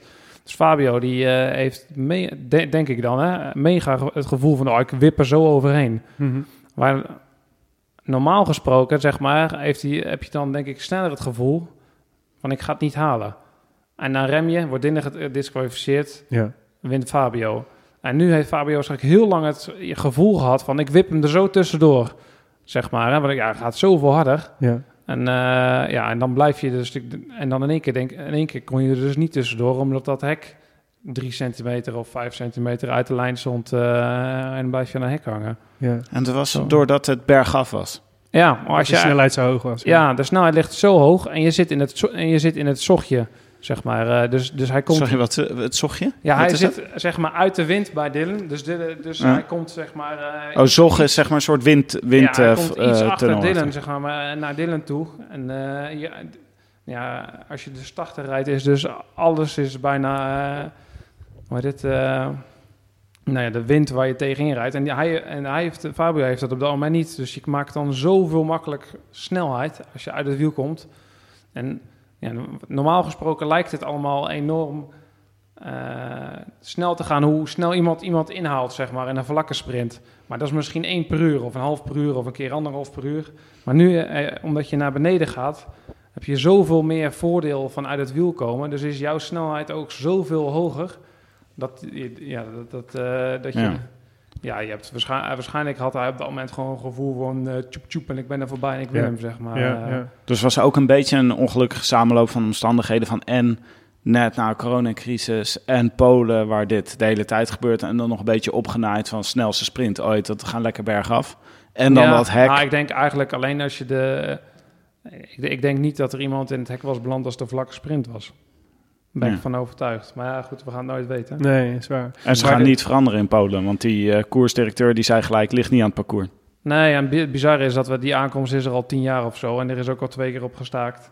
Misschien, Ah, ja. zelfs, misschien zelfs drie keer. Ik heb zelf een keer meegestaakt en die aankomst zit Ah, er ja. nog steeds. Ja. Dus eh, kijk, en nu eh, gaat daar waarschijnlijk niks aan gedaan worden. Eh, de UCI die kijkt de andere kant op, denkt van, nou, we, we, oké, nou, we gaan op dit moment degene die de fout maakt als derde gaan we straffen. Mhm. En eh, daar blijft het nu bij. Dat is gewoon triest. Ja. Nou was, zagen we van de week een eh, hele mooie foto waar iedereen blij van werd van Fabio Jacobsen, die weer in, eh, op de fiets zat met zijn vriendin samen een rondje was gaan fietsen. Ja, ik ook. Ja, lo- logisch, ja. Ja, toch? Dat je meteen Ja, denkt, goh, Ja. wat terugvoelt van, Ja. eh, van eh, oh, ik, we- zijn hier alweer, zeg maar. Want het gaat nog een lange weg worden voor hem, ja. om terug te komen op zijn niveau. Ehm, inmiddels hebben we toch ook, weet je, naar... eh, voelden wij ook wel, we hebben ook wel echt zo te doen met Dylan Groenewegen. Mm. Hè, dus als je weet, hè, de, de, de Fabio heeft nog zeg maar zijn herstel en zijn, dat Ja. feit dat hij eigenlijk het slachtoffer is van een actie. Uh, Groenewegen moet ook leven met het feit dat hij gewoon de, da de dader was eigenlijk. Ja, ja. Ehm, nou, hij heeft nu natuurlijk een schorsing gekregen van, eh, van tot mei, volgens mij. Eh, gaat hij er bovenop komen? Denk je? Dat is een goede vraag. Ja, ja, Ik denk het wel. Ik ben een, eh, ben een optimist. Ik denk het wel. eh, ja, ik, eh, ik hoop uiteindelijk ja, dat, dat hij en Fabio een keer kunnen afspreken. Volgens mij hebben ze hetzelfde management, als ik het goed begreep. ja. ja, dat ze er ook gewoon een keer over kunnen hebben. Een keer een traantje laten. En ja, en dat, ik weet niet, als die rechtszaken nog lopen, dan dat ze dat goed kunnen afsluiten samen, zeg maar. ja. En dat, dat Nederland gewoon nog die twee eh, jonge, frisse topsprinters houdt. Maar ja, het gaat ze allebei, eh, ben ik bang, wel tekenen voor het leven. Maar eh, ik hoop Ja. het niet, zeg maar. Ik hoop gewoon dat ze het kunnen, kunnen, kunnen bijleggen. En kijk, ik bedoel, Dylan heeft dit niet, no- no- ja, natuurlijk nooit bedoeld. ja. En Fabio is daar gewoon ja, enorm ongelukkig het slachtoffer van geworden. van de, van, ja, de, hele, de hele samenloop. ja. Dus ik, ja, wat ik zeg, ik hoop dat ze een keer kunnen afspreken en er een punt achter zetten. Want ze, als het goed is, gaan ze elkaar nog heel vaak tegenkomen. Dat hopen wij ook, ja. Ja. En Ja. als we, laten we nog heel even teruggaan naar, want ik zat, eh, ik zat naar je resultaten te kijken toen je bij de Rabo opleidingsploeg reed. Ah, ja. Heel veel, eh, heel veel ereplaatsen, heel veel in de top 5 en eh, to- top 3. En toen ging, je naar, toen ging je naar de profs. En met wat voor, wat voor verwachting maakte jij de overstap naar de, naar de profploeg van, eh, van Rabo? Wat eh, was je, dacht je, ik word eh, net als Dylan, een carrière als Dylan Groenewegen, sprinter, zelf voor de zee gesgaan? Of was je meer sprintaantrekker? Ja, nou ja, op dat moment heb je nog wel de ambitie, denk ik. eh, dat had ik denk ook wel om. In de klassiekers wil ik wel graag uitslagen rijden. en, eh, Zeg maar niet als sprinter, maar als klassieker. nee, nee, nee, als sprinter was ik niet snel genoeg. Maar ik was wel op zich wel een sterke jongen die kon overleven. En daarna met het sprinten van een Ja. Ja, wat beperkte groep kon ik eh, al wel goed plaatsen. Of een, ja, soms een keertje winnen ook. En uh, nou ja, met dat idee word je ook beroepsrenner. Ja. Maar ik had er vrij snel wel in de gaten uh, van, nou ja, als ik het... Uiteindelijk moet je je toch onderscheiden als je op het hoogste niveau wil, wil, blijven, wil blijven acteren. Mm -hmm. En als ik dat wil, dan, dan moet ik iets doen wat iemand anders niet kan. Oh ja. En, eh, Heb je echt pragmatisch op een gegeven moment gekozen dat Ja. je dacht, ik wil Ja. blijven bij deze Ja. ploeg blijven? Ja. En, eh, Ja, toch, toch een eh, soort, een soort, soort van wel. Ja, kijk, je kan ook op een, bij een andere ploeg of een lager niveau rijden. Dan kan je de hele dag doen wat je zelf zin in hebt. Maar het leek mij, ik had wel de ambitie om het, op het hoogste niveau te doen. En als je dan iets kan wat iemand anders niet kan, ja, dan kan je blijven, zeg maar. Maar het lijkt me toch best wel ingewikkeld. Want dan, dan word je, weet je, dan krijg je van die titels als meesterknecht of inderdaad Ja, ja. sprintpiloot en Ja. zo. Maar eigenlijk altijd een zeg maar topsoortcarrière, maar wel in dienst van. ja. Terwijl ik altijd denk van ja, maar het is eigenlijk best wel met elkaar in tegenstelling of zo, weet je. Dus je bent, je, de, je topsporter gaat natuurlijk ook gewoon over winnen. Ja. En individueel winnen dan. En eh, met je handen Vaak in de wel. lucht over de streep komen. Lijkt me best lastig om die transformatie dan te maken als topsporter naar, naar zo'n veel meer soort dienende rol. En daar dan Ja. ook zeg maar de voldoening uit te halen. Ja, ik snap wat je zegt, maar de... Laura wil je ook eh, iets eh, over zeggen. Nou, ik- Ja, je geeft altijd zelf het voorbeeld als voetbal, zeg maar. Ja. Wacht even, Laura, kan je nog één keer de microfoon zeggen? Jij eh, gebruikt zelf vaak het voorbeeld als in het voetbal. Dus de, de, sprint, de spits bijvoorbeeld die scoort. Maar het is wel de hele ploeg die daarmee wint. Dus van de verdediger verwacht je ook niet dat hij het doelpunt maakt. Maar hij draagt er wel degelijk aan bij. En ik denk dat je, ehm, als je dat een beetje begrijpt... dat je daarom wat een van de eerste dingen die die jongens... als ze al een beetje lucht weer hebben, zeggen als ze over de finish komen... is dat het ook een prestatie is van de ploeg en van het team. Dus uiteindelijk is het één iemand die over de, als eerste over de streep komt. Maar het Ja. is wel degelijk een teamprestatie. Ja. Ja, dat snap ik wel. ja, en ik heb dit... maar eh, het kost wel moeite, denk ik, voordat je dat zelf ook zo voelt, denk ik, toch? Of niet? Ja, eh, misschien wel, maar uiteindelijk groei, groei je daar ook al in en je wordt er ook op, op gecoacht, zeg maar. Door, ehm, Ja. en ook bij, bij Rabobank was op dat moment natuurlijk ook, eh nou, hadden geen financiële problemen, zeg maar. Mhm. Dus in principe... Geld klotsen tegen de plint. Ze waren een bank, for God's sake. Ja, ja, ja, dus je werd ook wel gewoon voor het, Ja. eh, de, het Nooit die- over nagedacht zo. Ja. ja, geld genoeg, ons geld. Het is een bank. Ja. Voor de dienende rol die je had, zeg maar, werd je wel goed betaald. Ja, ja. Dus je had ook niet het... eh, het je, je had, daar kreeg je ook wel gewoon een, een directe beloning van, zeg maar. ja, ja. En eh, wat er dan later eh, eh, bijvoorbeeld gebeurt, of als je bij een kleinere ploeg zit, of bij, wij gingen dan natuurlijk van Rabobank eh, naar Blanco en dan vooral Belkin, eh Lotto Jumbo toen nog, eh, Ja. het budget zeg maar eh, doormidden. Nou ja, dan kan je je knecht ook niet meer, eh, eigenlijk niet meer goed betalen. Mhm. Dus dan wordt het wel, ja, wordt, valt die beloning ook al weg. Dus dan, dan krijg je eerder zulke soort vragen, als Ja. dat jij eh, ook gewoon nou ja, beloond wordt alsof jij eh, de zevende kon worden die dag, of de elfde. Maar je hebt gewerkt voor de jongen die, eh, die kon winnen. Ja. Zeg maar, Want nog heel even terug, toen, toen je eh, deze transformatie eigenlijk doormaakte, was er toen één specifieke sprinter eh, met wie jij toen ging trainen en voor wie jij de, de sprintpiloot werd? Ja, Brown, Graham Brown. Brown was de Brown. eerste, ja. Nee, Frère was, was die al? Daarna, was, daarna Ferreira, Ferreira kwam later. Oh, ja. Maar die, ze waren wel allebei in dezelfde ploeg. Alleen ik was minder goed. Dus eh, je, je moet je toch een beetje opwerken in de ploeg voordat je eh, mag werken met de beste oh, je moest maar. promoveren naar Frère, van Brown of. Een soort van, ja. ja, ja, ja. Dat ervaar je op dat moment zelf niet zo. Maar als je terugkijkt, zeg maar... Dan snap je eh, dat het zo werkt. Snap je wel een beetje dat het zo werkt, ja. Ja. En Ja. wie was, eh, met wie vond je het het leukst tijdens je carrière om dit te doen? Wie was de leukste kopman? Of, of, eh, Ja, met Graham was misschien wel een van mijn leukste jaren toen. Eh, ik moet wel zeggen dat het met eh, Oscar was wel specialer, want die won ook specialere wedstrijden. Maar puur, Zeg dat wel, ja. ja, maar puur qua plezier was het met Graham en met Matthew toen, Matthew Heyman. Puur qua plezier eh, was dat het leukste. Ja. Want ik, Frère was ook wat minder van het teamwork, toch? Dat was iemand Ja. die meer zelf eh, Ja. ging springen. eh, ja, ging en we hebben een keertje ruzie gehad omdat hij zei dat we, hij had niet gewonnen omdat ik het niet goed gedaan had. Maar hij had niet zoveel vertrouwen of niet genoeg vertrouwen in mij. Dus hij koos zijn eigen weg en hij won niet. Dus dat, nou ja, ik was wel jong, maar ik durfde dat wel tegen hem te zeggen. En het was wel even stil. En toen kreeg ik, het kwam hij later kwam hij me halen en kreeg ik een koffie van hem. Hebben we erover gehad. En blijkbaar, dat wist ik ook niet. Maar ik was ik de eerste die ooit een koffie van hem gekregen had. eh. en eh, ik had geluk aan mijn zijde, want Groots gebaar van uh, Ja.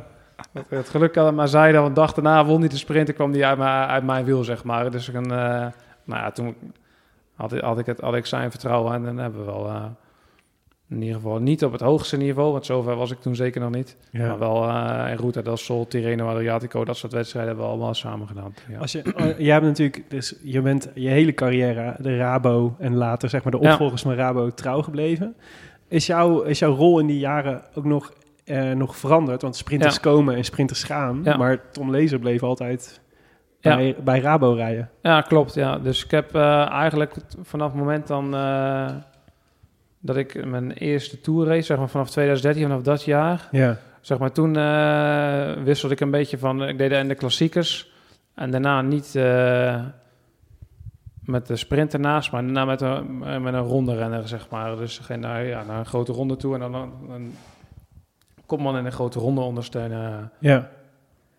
Maar is dat toch grappig, want je, dan ben je toch soort, dat is, dat is dan weer een andere rol. Wel, denk Ja. ik wel, die wel het beroep doet op dezelfde type vaardigheden. Hè? Dus gewoon positioneren inderdaad en Ja, zorgen maar dat ja, iemand veilig ja. vooraan blijft. Ja, maar je explosiviteit moet je wel een beetje kwijtraken. Ja, Want dan rij je natuurlijk ook minder goed bergop. Het is fijner als je iets beter bergop rijdt en, en iets langer in de wind kan rijden. ja, En als jij heel explosief bent, dan heeft natuurlijk een, eh, een wat tragere ronde kopman heeft daar niet zoveel aan. eh. dus eh, qua training en qua lichaamssamenstelling en zo, eh, dus verandert wel, verandert, dat verandert wel. ja. Ja. Want dat was ook een periode toch dat de ploeg minder een sprinter had. Zeg maar tussen eh, toen, toen Blanco kwam, eh, Blanco, Belkin en toen Ja. begin van Lotto en El Jumbo. Toen hadden jullie iets minder een soort gat tussen Frère en Groenewegen, ja, zeg eh, maar. ja, Moreno Hofland moest dat toen een beetje opvangen. En we hebben natuurlijk Theo Bos aan het eind van Rabobank toen nog eh, gehad. En het begin van Blanco. Dus Theo die, nou, die won denk ik wel toch wel een keer of tien per jaar. Dus die, die, die heeft dat wel opgevangen eventjes. Maar die moest op een gegeven moment weg na Belkin. Maar dat weet ik niet 100% zeker meer. Ja, ja Moreno die eh, kon dat gat het niet, niet vullen. En toen hebben ze een jaar lang ook helemaal niet, één of twee jaar lang helemaal niet op de sprint ingezet. Toen kwam ons dieptepunt, Ja. zeg maar, hè, dat we vijf of zes wedstrijden wonnen als ploeg. Heel treurig. Dat was al een pijnlijk jaar. Willem kijkt hier heel tevreden bij. Eh, heel treurig, zegt dat, hij en eh, knikt jij heel vriendelijk toe. Ja.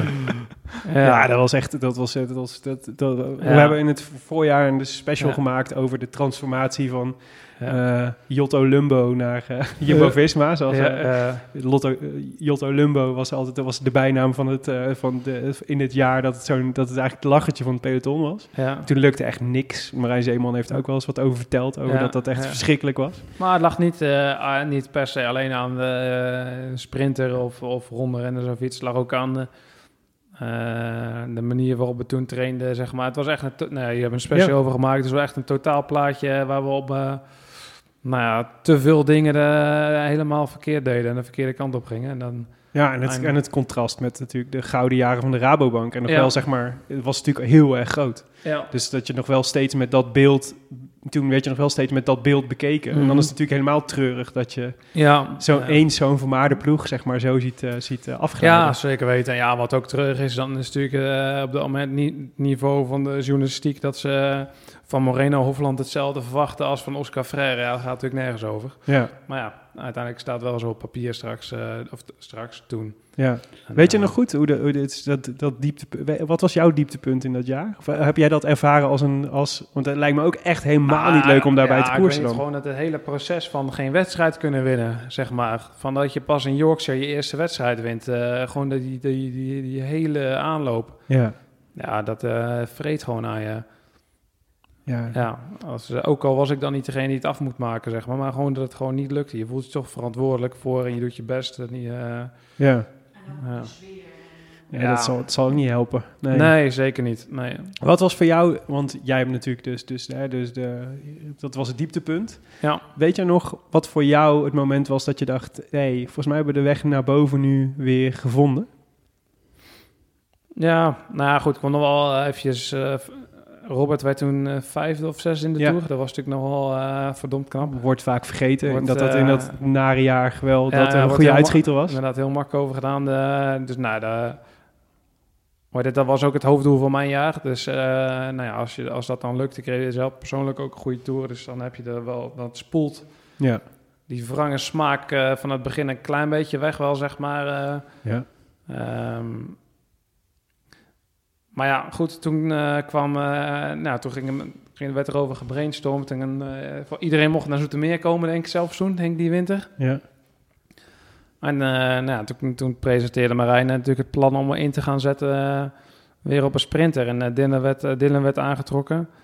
En nou, Marijn had alle, dat weet ik nog wel, die had alle, denk ik, eh, 10 seconden, 20, 30 seconden en een minuutwaardes of zo had hij opgeschreven. En nou ja, ik had samen met Sepp van Marken de hoogste minuutwaarde van de ploeg op dat moment. En dan kwam hij mee, dus zegt Tom, jij gaat weer terug naar sprinter, zeg maar. Dus ja, presenteerde dus heel... Dus jij kon een minuut lang kon jij het hardst rijden van allemaal. Ja, Dat- nou ja, de- goed. Vermogen, eh, qua vermogen op dat moment eh, was dat naar voren gekomen. Mhm. En, eh, dus ja, toen werd dat, daar moest ik wel eventjes over nadenken.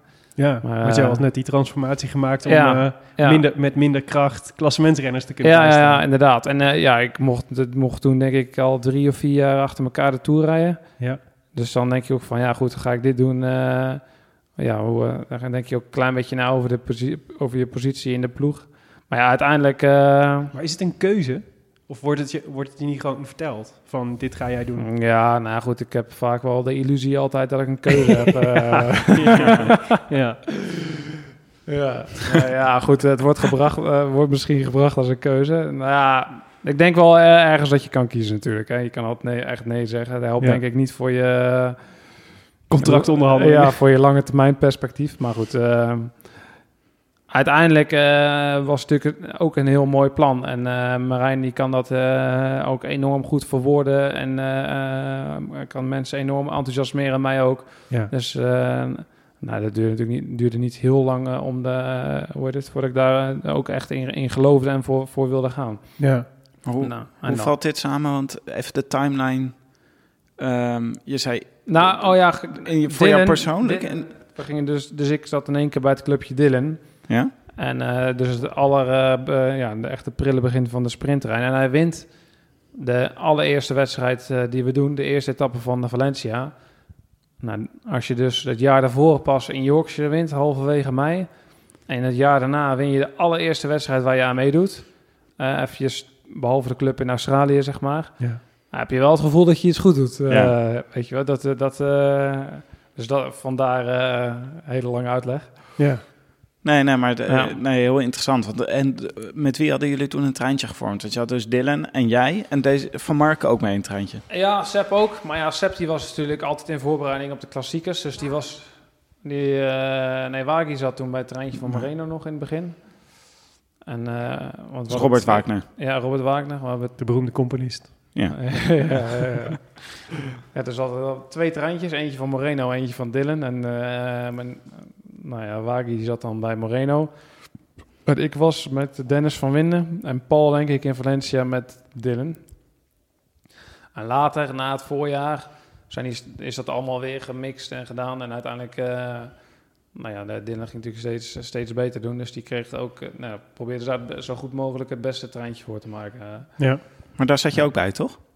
ja, over het algemeen wel, ja. Dus toen gingen jullie naar de Tour. De, en die toen tour, je, Maar die tour heb ik niet gedaan. eh. Dat is niet de Tour van eh Groenewegen in Parijs die daar, daarop volgde. nee, die, is het jaar, die was het jaar daarna. Oh ja, oh ja, precies. Als ik het goed heb. Ja, volgens mij het jaar daarna. Ja. Maar het is bijzonder om, eh, om dan weer onderdeel uit te maken van zo'n project wat weer de goede Ja. kant op gaat. Ja. En dat ook te voelen. Ja, inderdaad. Kijk, en eh wat dit, eh, we hadden het net over, eh hoe heet het, de periode, hadden we, dat, hadden we dat voor de podcast of eigenlijk tijdens de podcast, eh, dat ik eh, het gevoel, dat ik me een beetje dom voelde. Dat ik Nee, daar hadden we het in de podcast. In de podcast, Ja, helemaal in het begin. En, eh, maar kijk, als je dus aan zo'n project weer eh, mag beginnen. En eh, nou ja, je wordt enthousiast gemaakt. Je krijgt wat verantwoordelijkheden eh, binnen de groep en binnen, binnen zo'n project. En Ja. eh, nou ja, je wordt erop gecoacht, op gestuurd dingen.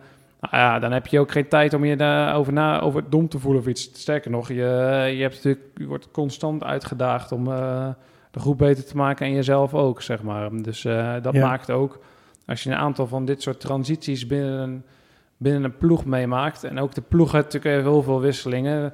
Ja, dat, het, eh, dat je ook nou ja, niet snel bent uitgekeken binnen op papier dezelfde ploeg. Maar voor jou, met het clubje mensen waarmee je werkt... of de hele, eh, als je het helemaal over de hele ploeg heen betrekt, zeg maar... Ja, Ja, verandert er eigenlijk eh, elke twee, drie, vier jaar verandert er enorm veel. ja, ja. Ja, precies. Ja. Maar wel vet om dan in het jaar dat je afscheid neemt, Ja. dat, dan, dat je dan leest dat eh, weet je, de Ju- Jumbo-Visma is nu gewoon de allerbeste ploeg Ja. ter wereld. Ja, super gaaf. Ja. Ik werd prof bij Rabobank en die waren dan eh, ja, ook, laten we zeggen, bij de beste drie ploegen ter wereld op dat moment. Dus wel heel tof. Ja. Als ik Harry Vermegen was, zou ik zeggen, de cirkel is rond. Ja, ja prachtig. Ja, en het was, eh, dit viel jouw eh, beroemde WK-optreden in Qatar. Ja. Was eigenlijk net op een dieptepunt, denk ik, van eh, Lotto NL Jumbo, hè? Maar Dat- was eh, net, een, eh, net een jaar later, denk ik.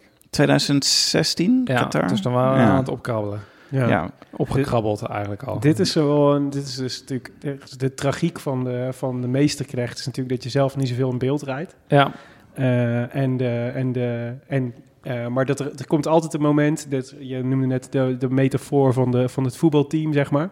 Er is altijd het moment dat Berry van Aarlen een keer een penalty mag nemen. Op een beslissend moment. ja inderdaad. En dat, is, dat is natuurlijk een beetje de, wat er, wat er eh, tijdens dat WK gebeurde. Ja, toen was ik Barry. ja. Ja, ja.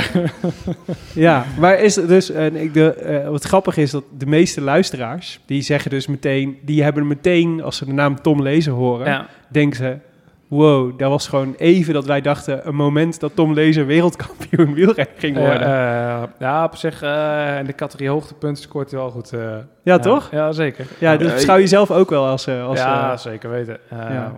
ik vond het eh, ik vond het een leuke v- eh, vraag van Bob de Maanvis, die bij ons eh, instuurde. Van hoe voelde het om dichterbij de wereldtitel te zijn geweest dan Mathieu van der Poel? ja, dat wist ik toen nog niet. nee, dat, ja, Heb je een moment gedacht, ik ga hem hier winnen? Nee, niet echt gedacht, maar wel eh, toen ik draai, bij het keerpunt, zeg maar, of keerpunt, eh, dat je t- terug naar de finish draaide op 1200 meter of zo, toen eh, dacht ik wel van, dit is wel een heel groot gat.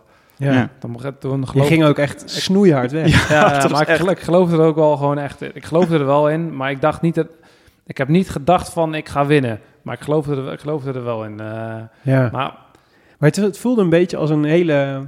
Het was best atypisch voor jou als renner, Ja. zeg maar, om zelf te gaan. Ja, ja zeker. Ja, en om Ja. zo te springen ook, om zo weg te springen, met Ja. zoveel geweld eh, dat gat te slaan. Ja, nee, precies. Maar was dat dan... Want ik heb ik, had- ik had toevallig, nou toevallig, ter voorbereiding op de podcast nog eens teruggekeken allemaal. Volgens mij zat je met Terpstra in die, eh, Ja. in die voorste groep. Ehm, moest Terpstra tegen jou zeggen dat je, dat je moest gaan? Want dat was, Terpstra was natuurlijk toen wel ook wel iemand op wie ze, wie ze Nicky- letten. Ja, Nicky motiveerde zeker. Maar ja, Nicky die, die, die wil natuurlijk zoveel mogelijk chaos en dat we gingen demereren. Dus die motiveerde, die motiveerde daar zeker in. Ja, Ja. En eh, ja, het gekke is toch, als je dan inderdaad eh, eh, zo lang in een dienende rol gereden hebt, zeg maar, eh, dat je dan eh, dat dat instinct wel eh, even soms door motivatie wakker, eh, Ja, wakker, wakker dat het ook gewoon een optie is. ja, zelf te demereren. vijf jaar daarvoor deed je niet anders. Ja.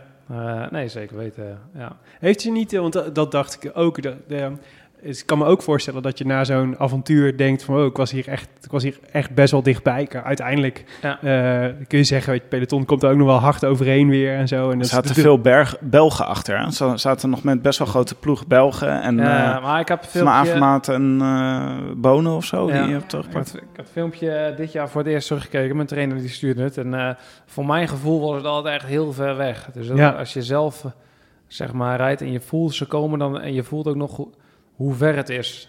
Zeg maar. maar op televisie ziet het, te veel, ziet het er ja, uit alsof je er bijna bent. Ja, Zo, zo Ja. goed als bent, zeg maar. Maar Ja. op de fiets voelt het net nog alsof je, eh, nou, weet ik veel, eh, een berg in Nepal moet beklimmen, zeg maar. Eh, Ja. Voelt zo ver weg nog. ja. En, eh, dus dat is wel een verschil met... eh, dus nu zou ik te kijken, oeh, was wel best wel dichtbij eigenlijk. Ja. Maar voor me, in mijn beleving, zeg maar, eh, was het niet zo... Voor, ja, was het toch verder weg, zeg maar, dan dat het op beeld lijkt. Ja. Zeg maar naar de finish bedoel je? Van het was eigenlijk nog maar een kilometer naar de finish, terwijl je best wel een gat had. Bedoel je het zo? Nee, maar ja, kijk, als je het op, op beeld ziet, denk je, oh, het is nog maar 300 meter. Hij is, hij, is, er, eh, hij, is er, hij is er zo goed als. Ja, Terwijl eh, ja, die 300 meter is Ja, ja. zo ver weg als je nog op de fiets zit. Eh, dat, dat laatste stukje... eh, ja. ja. Nou, het was wel een fantastisch moment. Het is de perfecte timing. Ik vond het ook leuk. Ja, ja. ja, precies. Ja, het is een goede. Dus eh, wat ik heel mooi vind is dat. Dus voor eeuwig is de naam Tom Lezer natuurlijk voor, voor, verbonden met die demarage, maar ook met Ja. de Google Image Search Tom Lezer. Ah, ja, ja, ja, ja. Waarop je jou zeg maar in de camera ziet en het peloton daarachter ziet jagen in dat mooie oranje Nederlands shirt. Ja, kijk. Ja, het is wel bijzonder hoor. Ja, heel tof. Wat, wat een leuke, eh, waar ik eigenlijk even naartoe wil, wat ik een erg leuke vraag vond, was van Flo- Floris van Mel. Die zegt, zoals de categorie persoonlijk van VI wordt gebruikt, zoals ze net worden gedaan, gedaan door het Algemeen Dagblad in maart. Wat is jouw sterrenteam van oud-ploeggenoten voor de Tour? Ja, dit, deze vraag Ah. hebben we natuurlijk eh, een beetje laten, laten, eh, alvast even over hebben laten nadenken. Ja, maar voor de Tour had je er niet bij gezet. Nee, dus laten we, dat, laten we de Tour weglaten. Maar, Maar, mag, mag voor de Tour, dat mag ook. ja, nee, maar jij gaat een, een leuke, een leuke eh, koers rijden die, Ja. eh, waar je het gezellig wil hebben en die je, wil, Ah, ja. eh, die je Ja. ook graag wil winnen. Oké. Eh, en jij mag bepalen uit alle renners met wie je in de afgelopen jaren hebt, eh, hebt gefietst, wie je meeneemt. Ah, ja. En we horen ook graag waarom. Dus eh, laten we zeggen acht renners. Maar wie schiet je als eerste te binnen? Wie, wie nou, moet er qua mee? gezelligheid, ja, Sebastian Langeveld. Ja? Sebastian Langeveld. Ja. Vinden Vriend wij van de ook- show. Vinden wij ook heel gezellig. Ja, eh, Wat? Ja. altijd eh, zijn praatje klaar. eh. ja, super komische kerel. Ik ken eh, Sebas ook al echt, echt heel lang vanaf de junioren. Ja.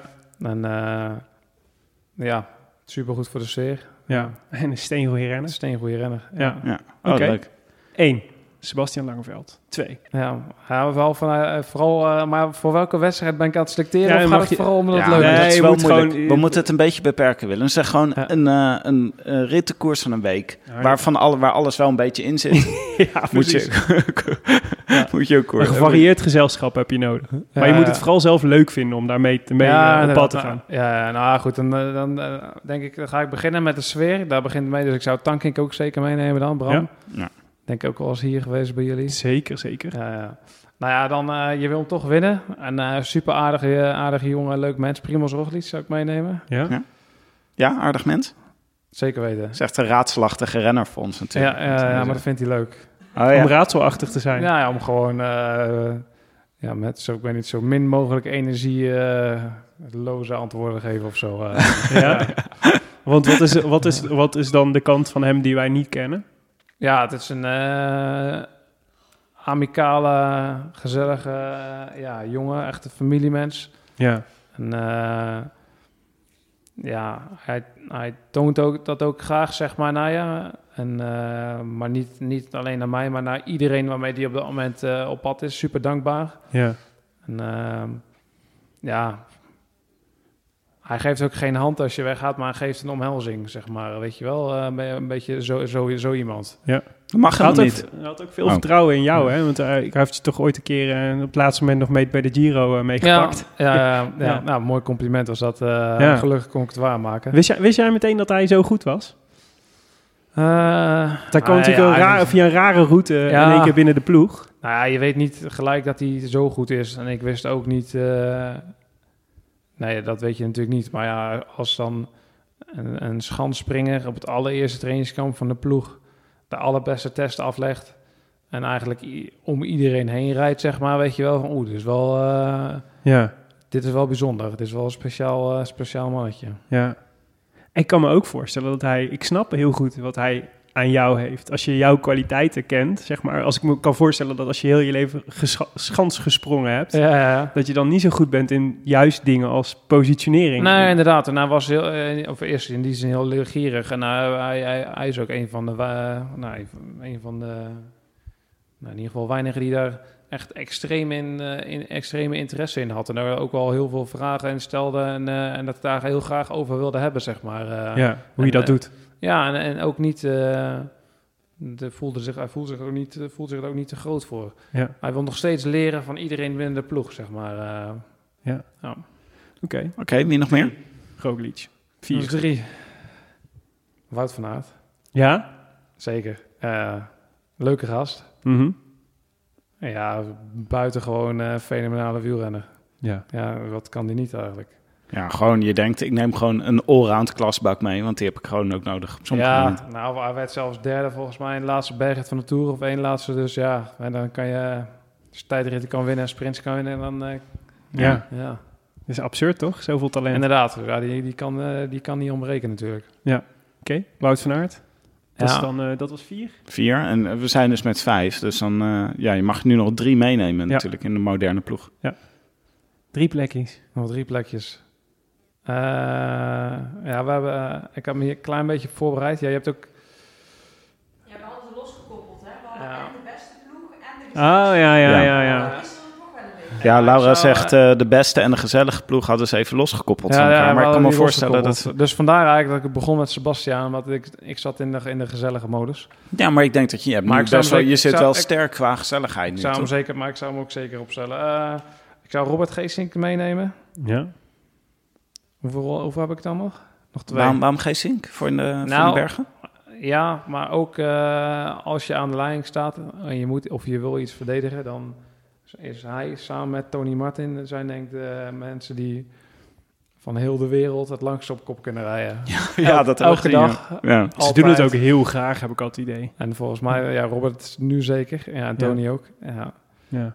Dus, eh, maar ik zou, ik heb mag er nog maar één kiezen, denk ik, of niet? Ja, twee nog. Nou, mij. twee. Ja. Eh, ja. Dan denk ik dat ik Dumoulin meeneem. Dat is aardig. Na zo'n seizoen. oh, dat is onder de gordel. ja, nee, nee, ja, ik, de, Tom zou ik meenemen. Want? Ja, ik bedoel, Ja. super goede renner Hoeft natuurlijk. geen uitleg, toch? Ja. Joh, Maar dit is wel weten. echt al... Het lijkt ook verdomd veel op de tourploeg hè, van dit jaar. Ja, ja, goed. Ik, Met eh, Geesink en Van Aert en uh, Dumoulin, Roglic. Qua prestaties gingen, als je als je je droomploeg mocht opstellen met mensen die, waar je mee gereden had. Ja. Dus zo hadden, hadden we gisteravond eens naar, naar gekeken. Nou, dan, dan zou ik toch wel heel veel jongens van, van de, de tourploeg zou ik zeker wel meenemen. En ik denk, Dus in die zin, als we het zo bekijken, denk ik dat ik Sepp Koes daarna nog zou toevoegen.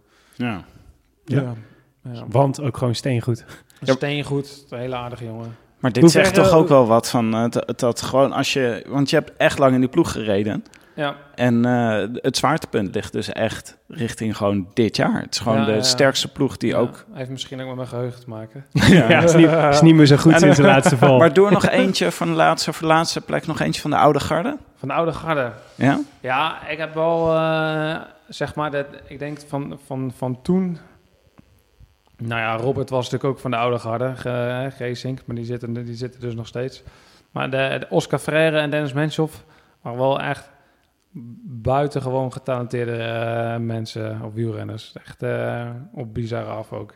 Echt feno- fenomenen vooral. En dan nog Oscar misschien nog wel meer dan, eh, dan Dennis. Ja, echt een natuurtalent. Ja, echt. eh ja. Gewoon- niet zo gewoon gezellig. Want dat is, ja, Iets minder gezellig, inderdaad. Maar ja, het ging nu, eh, ging nu om winnen. Ja. Ja. En Menshoff ook. Ik bedoel, dat is natuurlijk ook... Dat is, dat is- Nou, we hebben een keer een eh, teambuilding gehad. En dat is de fameuze boottrip. Dus gingen we... Goh, we vertrokken... Ik weet eigenlijk niet eens meer waar we vertrokken. Maar eh Harlingen... Nee. Nou, in ieder geval eh, ergens rond Friesland en Terschelling. En, eh, Ja, Harlingen zou heel goed kunnen. Ja, zaten we een dag of vier op een boot. En eh, wij waren verantwoordelijk dan als renners zijnde voor het eten en drinken op de boot. Dus Mhm. elke dag aanmeren, boodschappen doen en dan op de boot koken. En eh, toen hebben we Dennis wel van de andere kant eh, leren kennen. Dus als er eh, een paar glazen vodka in zitten, is het echt een gezellige, leuke, eh, Oh ja? spraakzame Russen in één keer. Oh, Ja. dit vind ik echt leuke details. Het is jammer dat we hem dan nooit zien. Hè, Dat geldt voor veel mensen trouwens. Maar vodka en augurken hebben we geleerd. Wodka nou. daar ging die hard op. Dat ging heel hard op. Ja, ja mooi. Oké. Ehm, Zullen we nog een paar vragen van, eh ja, ik van wil nog één. Ik wil, kijk, want dit, dit, dit zijn natuurlijk allemaal hartstikke leuke jongens. En daar kun je het heel goed. Daar, die, ik kan me helemaal voorstellen dat, je, dat dat en een ploeg is waar je een goede sfeer hebt en waar je mee kunt winnen. Nou, dus bij de Roland Taarn is altijd. Want wij, wij mogen altijd graag. eh, graag eh, we hebben een heleboel vrienden van de show. Maar we hebben steeds minder vijanden van de show. het lukt ons steeds minder om. eh, iedere keer als we denken we hebben een nieuwe vijand gevonden, dan doet hij iets super sympathieks. Ja. Bijvoorbeeld Vincenzo Nibali, die dan in één keer Oh, met een kankerpatiëntje op de foto gaat. Oh, ja, ja. en dan, ja, dan kun je met goed fatsoen geen hekel meer krijgen aan zo iemand. Maar Willem wil graag iemand aan wie we een hekel kunnen Ik wil graag van jou horen, in al die jaren prof, prof zijn, zeg maar. Wat zijn, heb je nou, welke renners heb je nou echt een teringhekel gehad? Nou, het is wel hard. Het is wel, het is wel moeilijk als je de vraag zo stelt. Als je gewoon zegt, wie was nou echt een etterbak? Weet je wel, dan Oh, een teringhekel is ook... Oké. Nou, Ja, het- en alles wat ertussen zit. Ja, Ja, wie, Gewoon wie eentje in de wie, is, negatief. wie moet onze, wie moet, wie, de- op wie moeten we onze pijlen richten het komend jaar? Quintana hebben we al heel vaak aangeërgerd. Ja? Ja, Want? echt, ja. Ik weet niet, die, eh, meer zo iemand die ook, het- die- ja, vond, het, vond, vindt, ik weet niet. Ik had in ieder geval het gevoel dat hij vond dat hij alles kon maken. Dat eh, als hij naar links ging, dat je dan maar gewoon opzij moet gaan, zeg maar. Mhm. Ehm, maar dat was zeker niet persoonlijk naar mij. Dat deed hij naar iedereen. Of nou binnen onze ploeg was of, eh, of buiten onze ploeg. Dus Ja. Dat is een Ja. breed gedragen sentiment in het peloton. ja, dat weet ik niet. Maar in ieder geval eh, bij een aantal mensen om mij heen. eh ik ze die uitnodigde, die eh, gaat eh, de- eventueel al beamen, denk ik. Ja, maar we konden ook in die Mobbystar documentaire... dat je dus gewoon Landa, Valverde en Ja. Quintana bij elkaar hebt... en dan met z'n allen naar de Tour moet. Ja, Dus eh, een partijtje, een partijtje ego's en diva's bij elkaar. zo. Ja, nee, dus die, eh, die mocht... Die, Die mag op het lijstje. En die mag voor mij wel op het lijstje, ja. Maar ik, eh, ik merk wel dat ik, dat ik wel slecht ben in deze vraag. Want eh, ja? ik eh, weet namelijk zeker dat ik me aan wel aan mensen geërgerd heb. Maar ik kan dus nu dus niet 1, 2, 3 allemaal opnoemen. Dus blijkbaar stoppen, is dat toch een beetje weggezakt. eh. zijn allemaal misschien ben je- Ja, dit had je gisteren ook moeten appen. Misschien ik ben je ook- denken. Nou, ik vind Quintana een hele goeie hoor. Ik bedoel, die rijdt volgend jaar gewoon weer mee. En waarschijnlijk ook nog tegen jongens die wij graag zien winnen. Ja, Dus die kunnen we prima meenemen als, eh, als nieuwe nemesis. zeker. Ja. Even kijken, nog eh, even een paar, eh, paar vragen van de luisteraars. Ik vond ook een leuke... Je buren vroeg... wat is de favoriete fiets waar je op hebt gezeten? Waar ik op heb gezeten. Ja. Ja, de XR4 Bianchi. eh, Is dat de laatste? Die, die de laatste, waar we nu op rijden. Ah ja. Dit, waar, jullie nu, waar de ploeg nu afscheid van neemt. Ja, ja, Ja. zeker weten. Ja. Mag je hem houden Ja. eigenlijk, nu je gestopt bent? Eh, we hebben nog geen afscheidsfeest gehad. dus ik, eh, het zou kunnen. Maar ik, weet- ik Ze weet hebben het toch niet meer nodig. Ze gaan overschakelen op eh, Cervelo, toch? eh, ja, we gaan naar Cervelo. Ja. Eh, officieel wordt alles verkocht. Oké. Oké. En wat vond je de mooiste dag op de fiets? Vraagt Wilfred Klappen en Twan Groot. Goh, ik denk een keer in Australië ergens eh, Tour Down Under. rond Tour Down Under. Ik ben altijd heel graag naar Australië gegaan. Ja. Dus eh, een, van die, een, een van die eh, dagen daarvoor, eh, daarvoor of tijdens ergens in die... eh, vond dat wel, dat is wel fascinerend. Want ja, jij zei, eh, dus, uh, voorafgaand aan de podcast ook al eventjes over. Dus eh, uit Australië vond je mooi en Ja. Japan vond je bijzonder om, Ja. om naartoe te gaan. Terwijl heel veel renners volgens mij helemaal niet per se zitten te wachten op dat soort trips, toch? nee, nee, nee, zeker niet. Ja, ik vond naar Beijing gaan ook echt superleuk. eh Ja, Uh, ja, het is gewoon iets nieuws. Niet eh, altijd eh, de, dezelfde wegen als waar je, waar je altijd op rijdt. Ik ben wat dat gaat eh, ja, wel gewoon nieuwsgierig naar de wereld. ja. Of in ieder geval Ja. misschien iets minder nieuwsgierig eh, dan toen ik 22 was. Maar eh, ja, nog, eigenlijk nog wel gewoon... Ja, ik ben benieuwd naar wat er allemaal nog meer is. Dit deel je wel met, eh, met Laura, hè, met je vriendin. Want die zei ook wel van, ik vind het wel jammer dat je carrière is afgelopen. Ja, ja, Laura vindt het jammer. Ja. Ja. Ja, dus, en we hadden natuurlijk eigenlijk als idee dat we nu, hoe heet het, een, mooie reis konden maken. Hè? En nu ik net nu klaar ben, we hebben nog, we hebben nog tijd. Maar eh, corona gooit natuurlijk wel gewoon eh, route, in het, route in het eten. Dus dat eh, maakt, maakt het wel heel jammer. ja. Maar misschien bij, hoor jij met je rug nu wel tot de risicogroep en krijg je gewoon als eerste vaccinatie. ja, ja, wie weet. We hebben nog ook een vraag van eh, luisteraar Pascal Eenkorn. Die vraagt wat je bijnaam is. misschien ken je hem wel, Pascal Eekhoorn. Oh, ja, hilarisch. Ja, ik hoop dat hij ook gaat luisteren. Ja, Pascal, die, eh, die vergeet alleen, zeg maar, dat, er is, dat er een verschil is tussen hoe hij mij noemt en wat mijn bijnaam is. Oh ja, dus hij heeft een bijnaam voor jou. En, Zijn bijnaam voor mij is Tom Velers. Dus hij noemt mij altijd Velers, noemt hij. eh. ja. gewoon omdat hij zelf niet kan, de goede naam kan onthouden. ja, ik denk het. eh, ja, een beetje dyslectisch. Heel goed. Ah. Oké. Eh, Patty Talks vraagt... Tom, je hebt je heel je carrière voor dezelfde ploeg gereden. Ja. Is er überhaupt ooit eens een flirt geweest met een andere ploeg? Ja, ik heb al twee keer eh, overwogen om, om, om weg te gaan. Ook wel de mogelijkheid toen. eh, mogelijkheden wel gehad. Maar het is nooit, nooit, eh, ik heb nooit, nooit concreet laten worden. Welke ploegen waren dat? Ehm, ik, kon nu kun je het allemaal zeggen. ik kon een keertje mee. Sebas vroeg of ik een keer mee wil toen hij naar Orica kon. Oh ja. Of Midstone vroeg hij of ik daar interesse in had. Ja. Daar heb ik toen wel over nagedacht. Maar ik wilde toen eigenlijk liever bij Rouwbank blijven. Eh, oh ja, ook een keertje met, eh hoe heet het, ehm,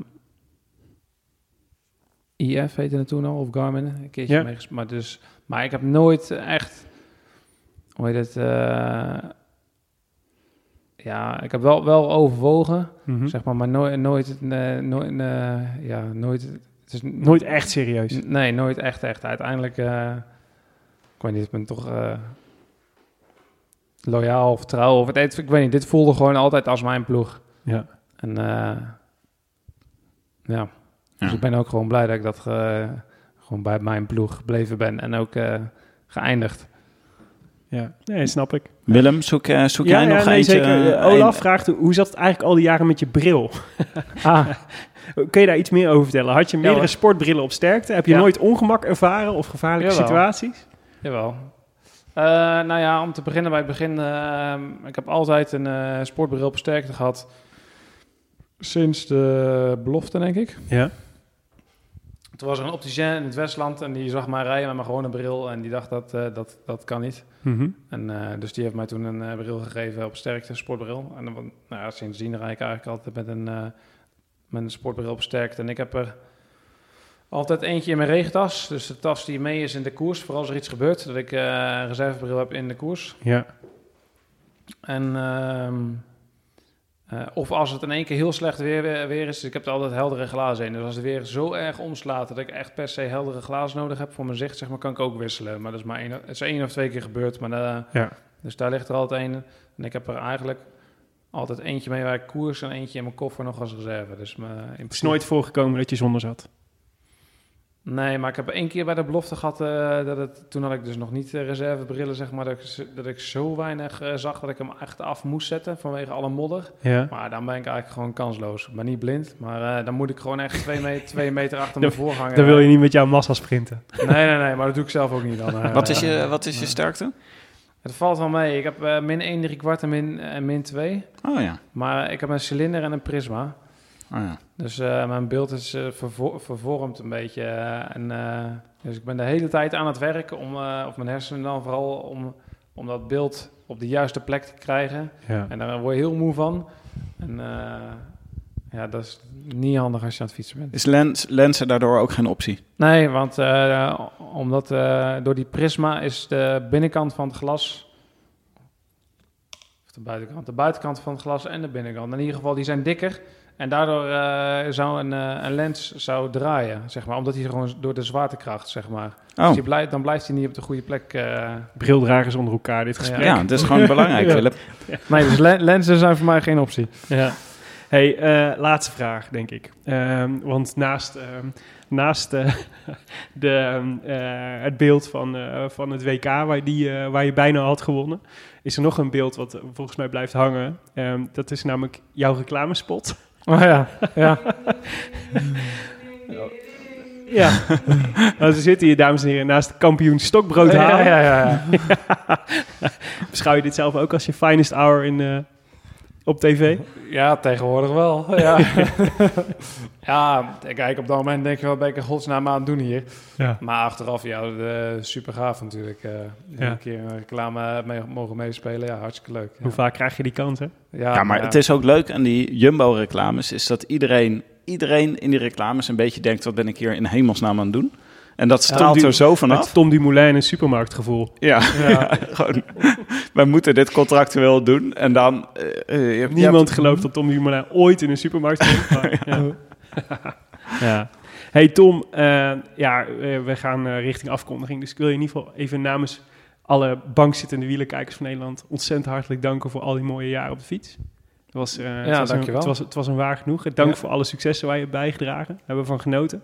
En eh, ik wens je het allerbeste in je nieuwe carrière. Wat het ook mogen worden. Dankjewel, gaat goed komen. Goed zo. U luisterde naar de Rode Lantaarn, gepresenteerd door uw favoriete bankzitters Tim de Gier en mezelf Willem Dudok. Vandaag zonder Jonne Seriese, maar met Tom Lezer, waarvoor hartelijk bedankt. Tom, hoe vond je het om eens in een podcast te gast te zijn? Ja, hartstikke leuk. Ja, wil, wil je nog heb- iemand eh, de groetjes doen? Dat is een vaste rubriek in onze Dat mag podcast. bij ons. Vast, wel- ja, Willy en mijn moeder. Ja, zeker weten. Ik weet niet eh, of ze ooit naar jullie podcast geluisterd heeft, maar ik zal zeggen dat ze hem moeten terugluisteren. Ja, En, eh, Willy.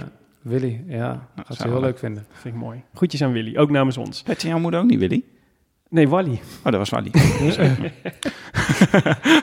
Pardon, gaat Leuk u dat je verder. het vraagt. veel, dank ook aan het, eh, veel dank ook aan onze sponsor Canyon, fiets van de show, Sonos, aan de Swing Ninja's voor het gezellige muziekje en aan de vrienden van de show, bijvoorbeeld Patrick Kruger, Rijmer en Niels Post, Jasmijn, Joris Ben, Matthijs Hoek en ook En ook Bram van der Kruk, Redmar Woudstra, Guus de Kraai, Alice de Jode, Floor en Matthijs.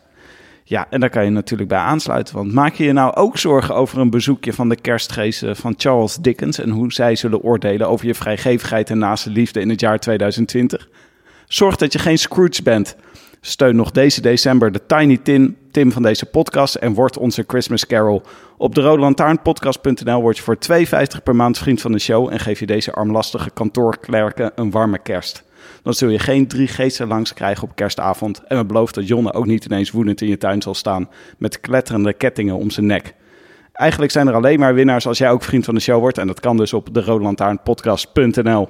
Ja, de Rode Lantaarn wordt verder mogelijk, mede mogelijk gemaakt door Dag en Nacht Media en het is Koers.nl, de wielerblog van Nederland en Vlaanderen.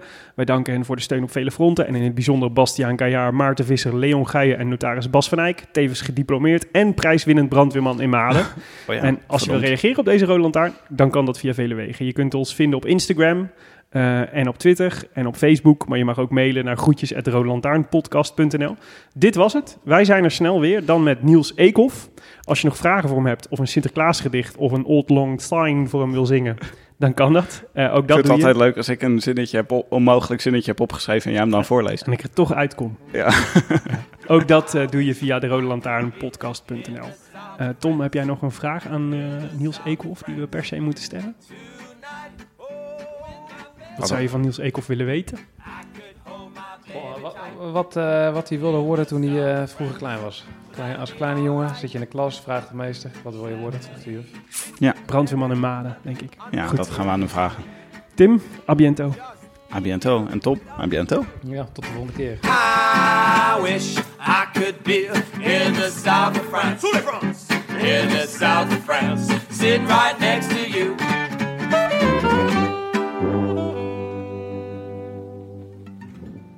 Luister nu naar de Mondkapjesmiljonairs. Een serie over de grootste mondkapjesschandalen van Europa.